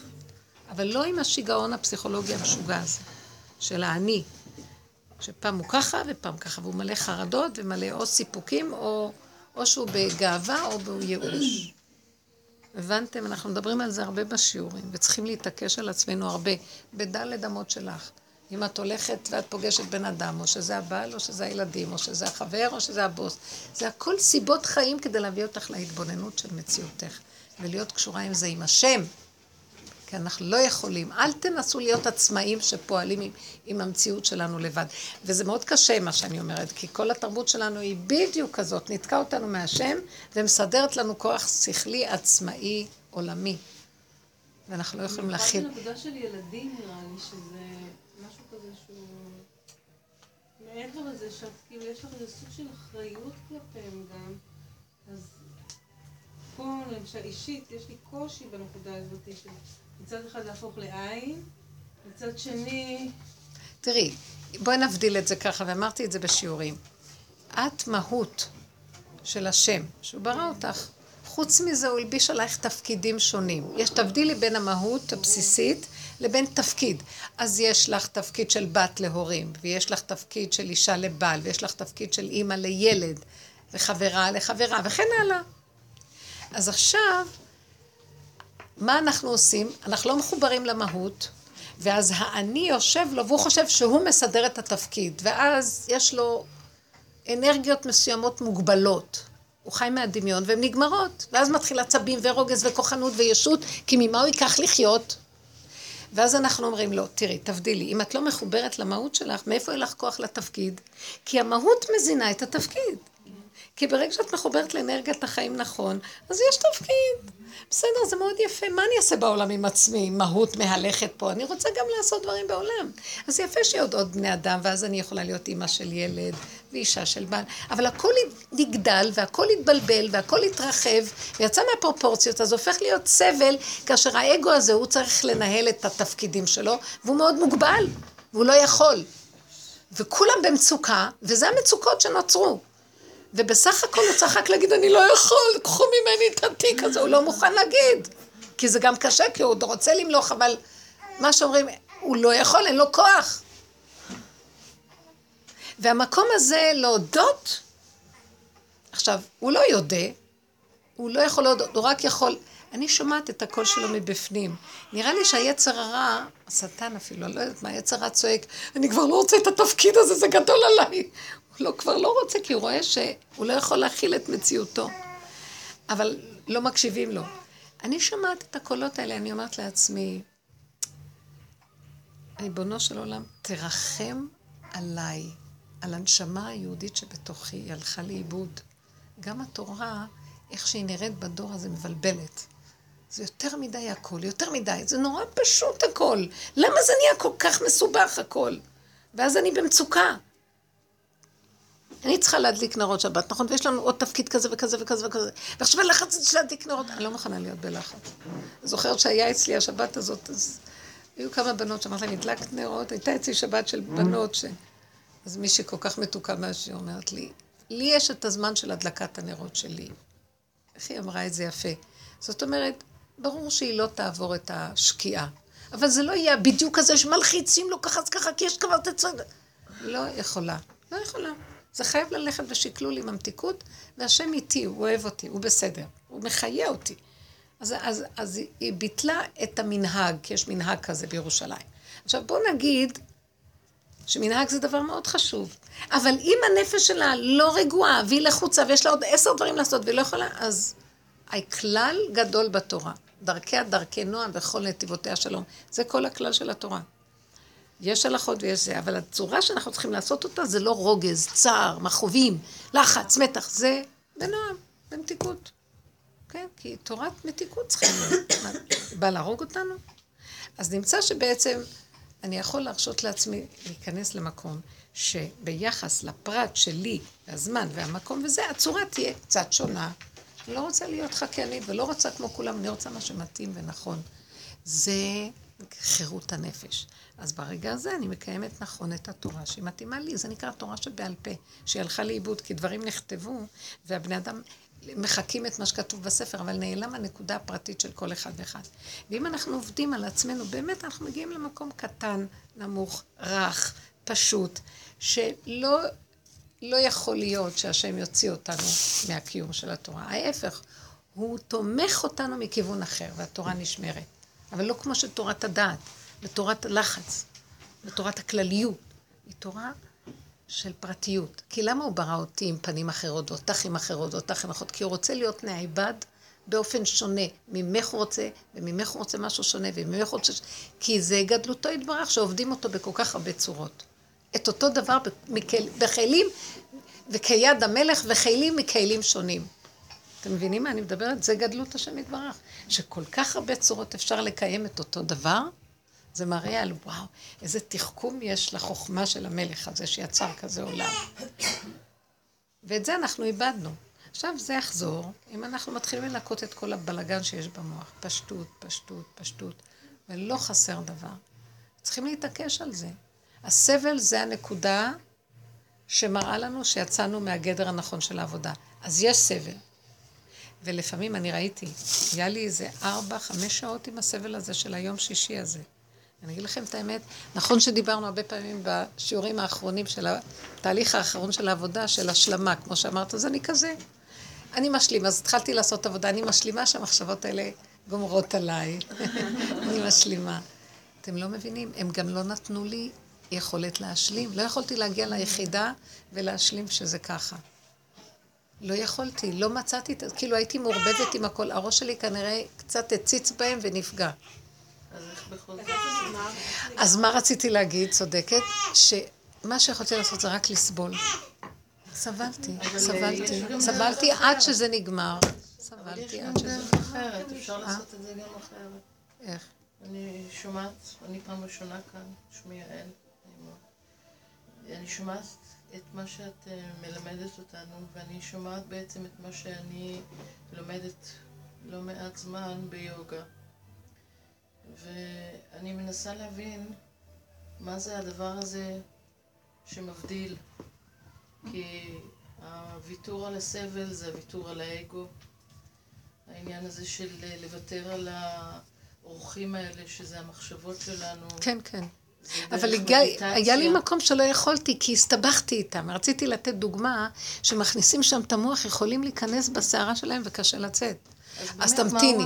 סבלנות, המתנה. רק יכולתי מדי פעם לפתוח ולהגיד, אבא, אני לא, אבא, אני לא יכולה, אני תקועה, אני, בגיהינום, לא- ו... ו- למה לא להציע למשל מדיטציה? לא, זה המדיטציה עצמה, ההתבוננות שזה המציאות. זה סערה לא נורמלית. תראי, את לא יכולה לעשות מדיטציה בסערה, את יכולה לראות את הסערה ואת לא יכולה לצאת ממנה. זה היה כמו מערבולת. אז במערבולת מה את עושה? את צוללת, את שותקת, את מסתכלת על מהלך. יכולתי רק להסתכל, והרגשתי את הסערה בצורה מזעזעת. בלידה. אה? בדיוק, זה כמו לידה, וזה היה כואב, ולא יכולתי לצאת מהכאב, וזה עבר. ואחר כך זה עבר. והקול שקיבלתי אחר כך בפנים היה, אה, הכל בסדר. רק לא להתרגש הייתה. מילה כזאת, הכל בסדר. כי אני עוד יכולתי להאמין שמה שהמחשבות אמרו לי זה נכון, כי הם אמרו לי על ההיא, והם לא סובלים אותי, וכל מיני דברים כאלה, מאיפה זה בא.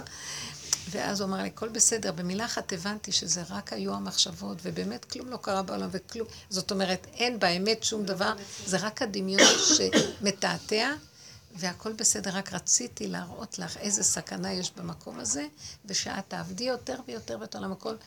אל תיכנסי שם בכלל ותגידי, אני לא מציאות. זה מאוד עוזר לי להגיד. כל פעם שבאות המחשבות, אני אומרת להם, הן מנסות לפתות אותי להיכנס בדברים, אני אומרת להם, אני לא מציאות, אני לא מציאות.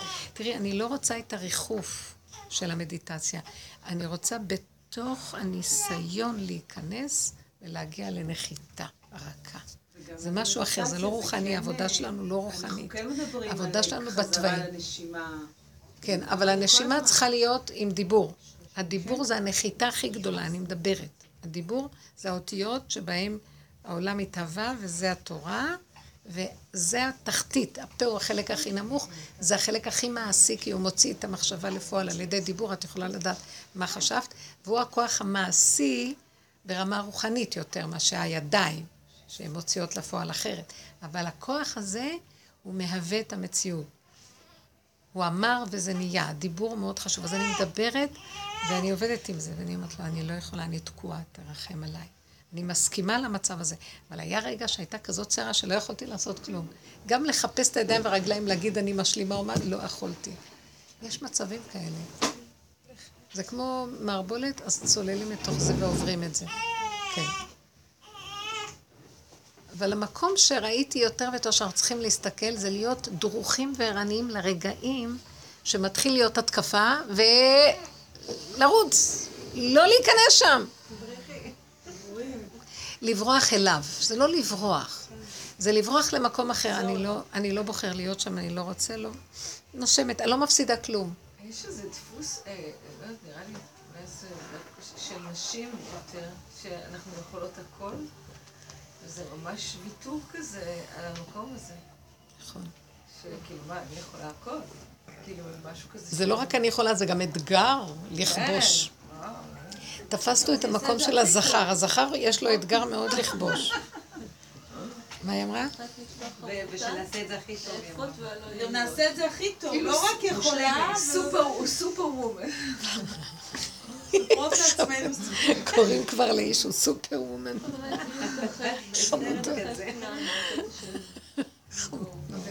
וזה כאילו לבטא, זה, זה מקום אחר, זה כאילו, ל- ל- אוקיי, זהו, אני... אני אתם לא מבינות אני לא איפה נמצא- עכשיו אני, אני, אני כלום, אני כלום. עכשיו אני אגיד לך משהו.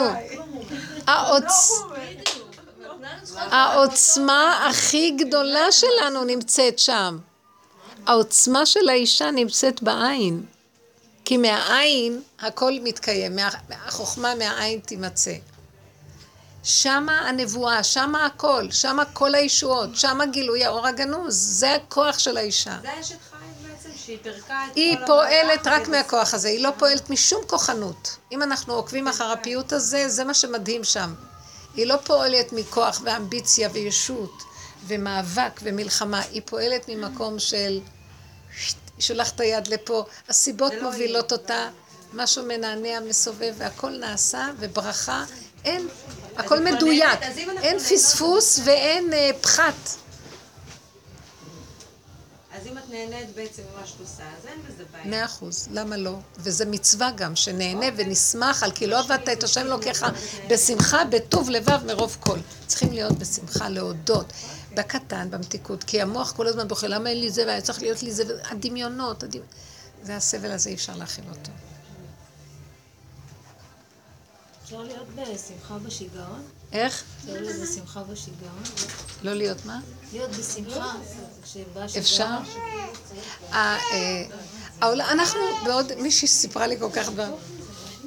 מאוד מאוד יפה לראות שהתהליך של כל העבודה הזאת להביא אותנו לפשטות הכי פשוטה. שאיך שזה ככה, הכל בסדר.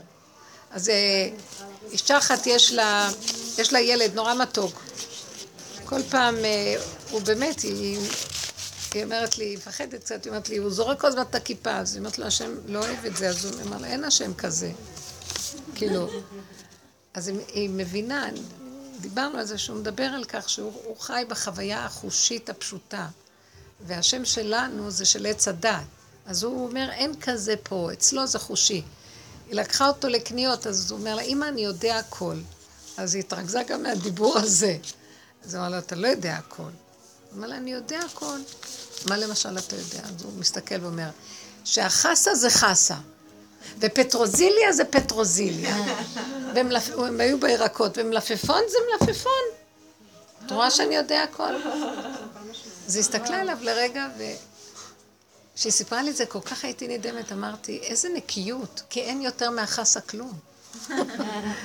את מבינה מה המוח עושה? יש זה וזה פרשנות של זה וזה וזה, והילד הזה נקי, נקי, הכל נקי, עיניים נוצצות, נקיות, רואה את החושים קטנים, דקים, חדים, וזה מה יש כרגע. מה שאת מדמיינת שם וכאן, והרוחני והגבוה ואורות, אין נשתו, זה דמיונות של עץ אדם. זה מזכיר לי שאיזה ילד אחד בבית ספר שאומר לי, אני מושלם, אני מושלם. חמוד. אחר כך היא סיפרה לי בעצמה, היא כזאת מתוקה, אישה מיוחדת. היא אומרת שהם קנו איזה שטח ורצו לבנות, אז הייתה צריכה להשיג אישורים, ורצו ורצו ורצו, אומרת, זה היה שיגעון. מה שהיא לא עשתה, משיגה את הטפסים האלה, מביאה להם, אומרים לה, לא, את צריכה לקחת את זה, והולכת למחלקה הזאת, מעבירים אותה לפה, וככה שבועיים מנענעים אותה ממקום למקום. יום אחד היא באה, והיא הרגישה, היא הביאה אחרי כל העבודה שהם רצו, את מה שהם רצו. אז הפקידה היא אומרת, הפקיד אומר לה, לא, לא, זה לא בסדר, את צריכה משהו אחר. אז היא אמרה, אני לא יכולה כמה, אני לא יודעת לזה. היא אמרה, החלטתי להשתגע. אז הוא נבהל מהתגובה שלה, אמר לה, טוב, גברת, חכי פה, ורץ לסדר לה הכל, אמר לה, אחרי חצי שעה הוא חוזר, הכל מסודר, תלכי.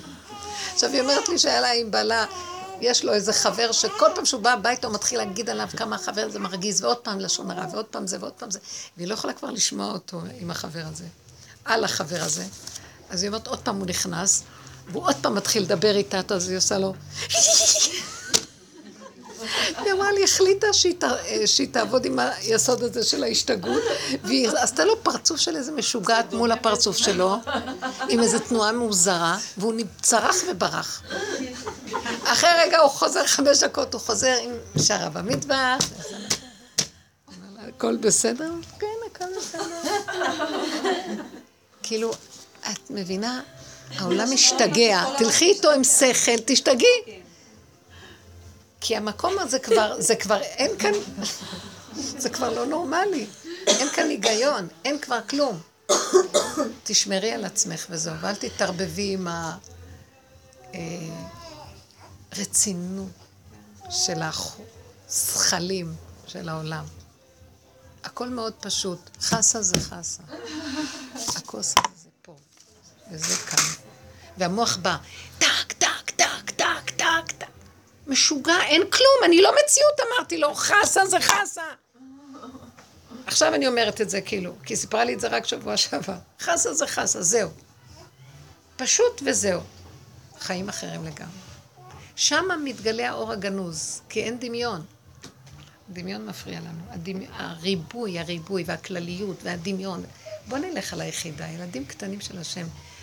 משם יתחיל איזו חיות פנימית אמיתית, וחוץ מזה עוד יבואו אורות גבוהים יותר, אבל שאנחנו כרגע לא יכולים לחשוב עליהם ולהכיל אותם, כי צריכים קודם כל את הכלי הנקי של השכינה. וזהו זה. השם יזכה לנו אמן, שנהיה חזקות, ולא נוותר ולא נמכור את עצמנו כל מוצאני יהרגני, בלי כלום, בלי גרוש, מתנד... מתנדבים לריב ולהתרגז ולהתווכח ולהתנצח, והכל שקר וכזב, ואין כלום מהגדלות והגאווה. תודה רבה. תודה רבה.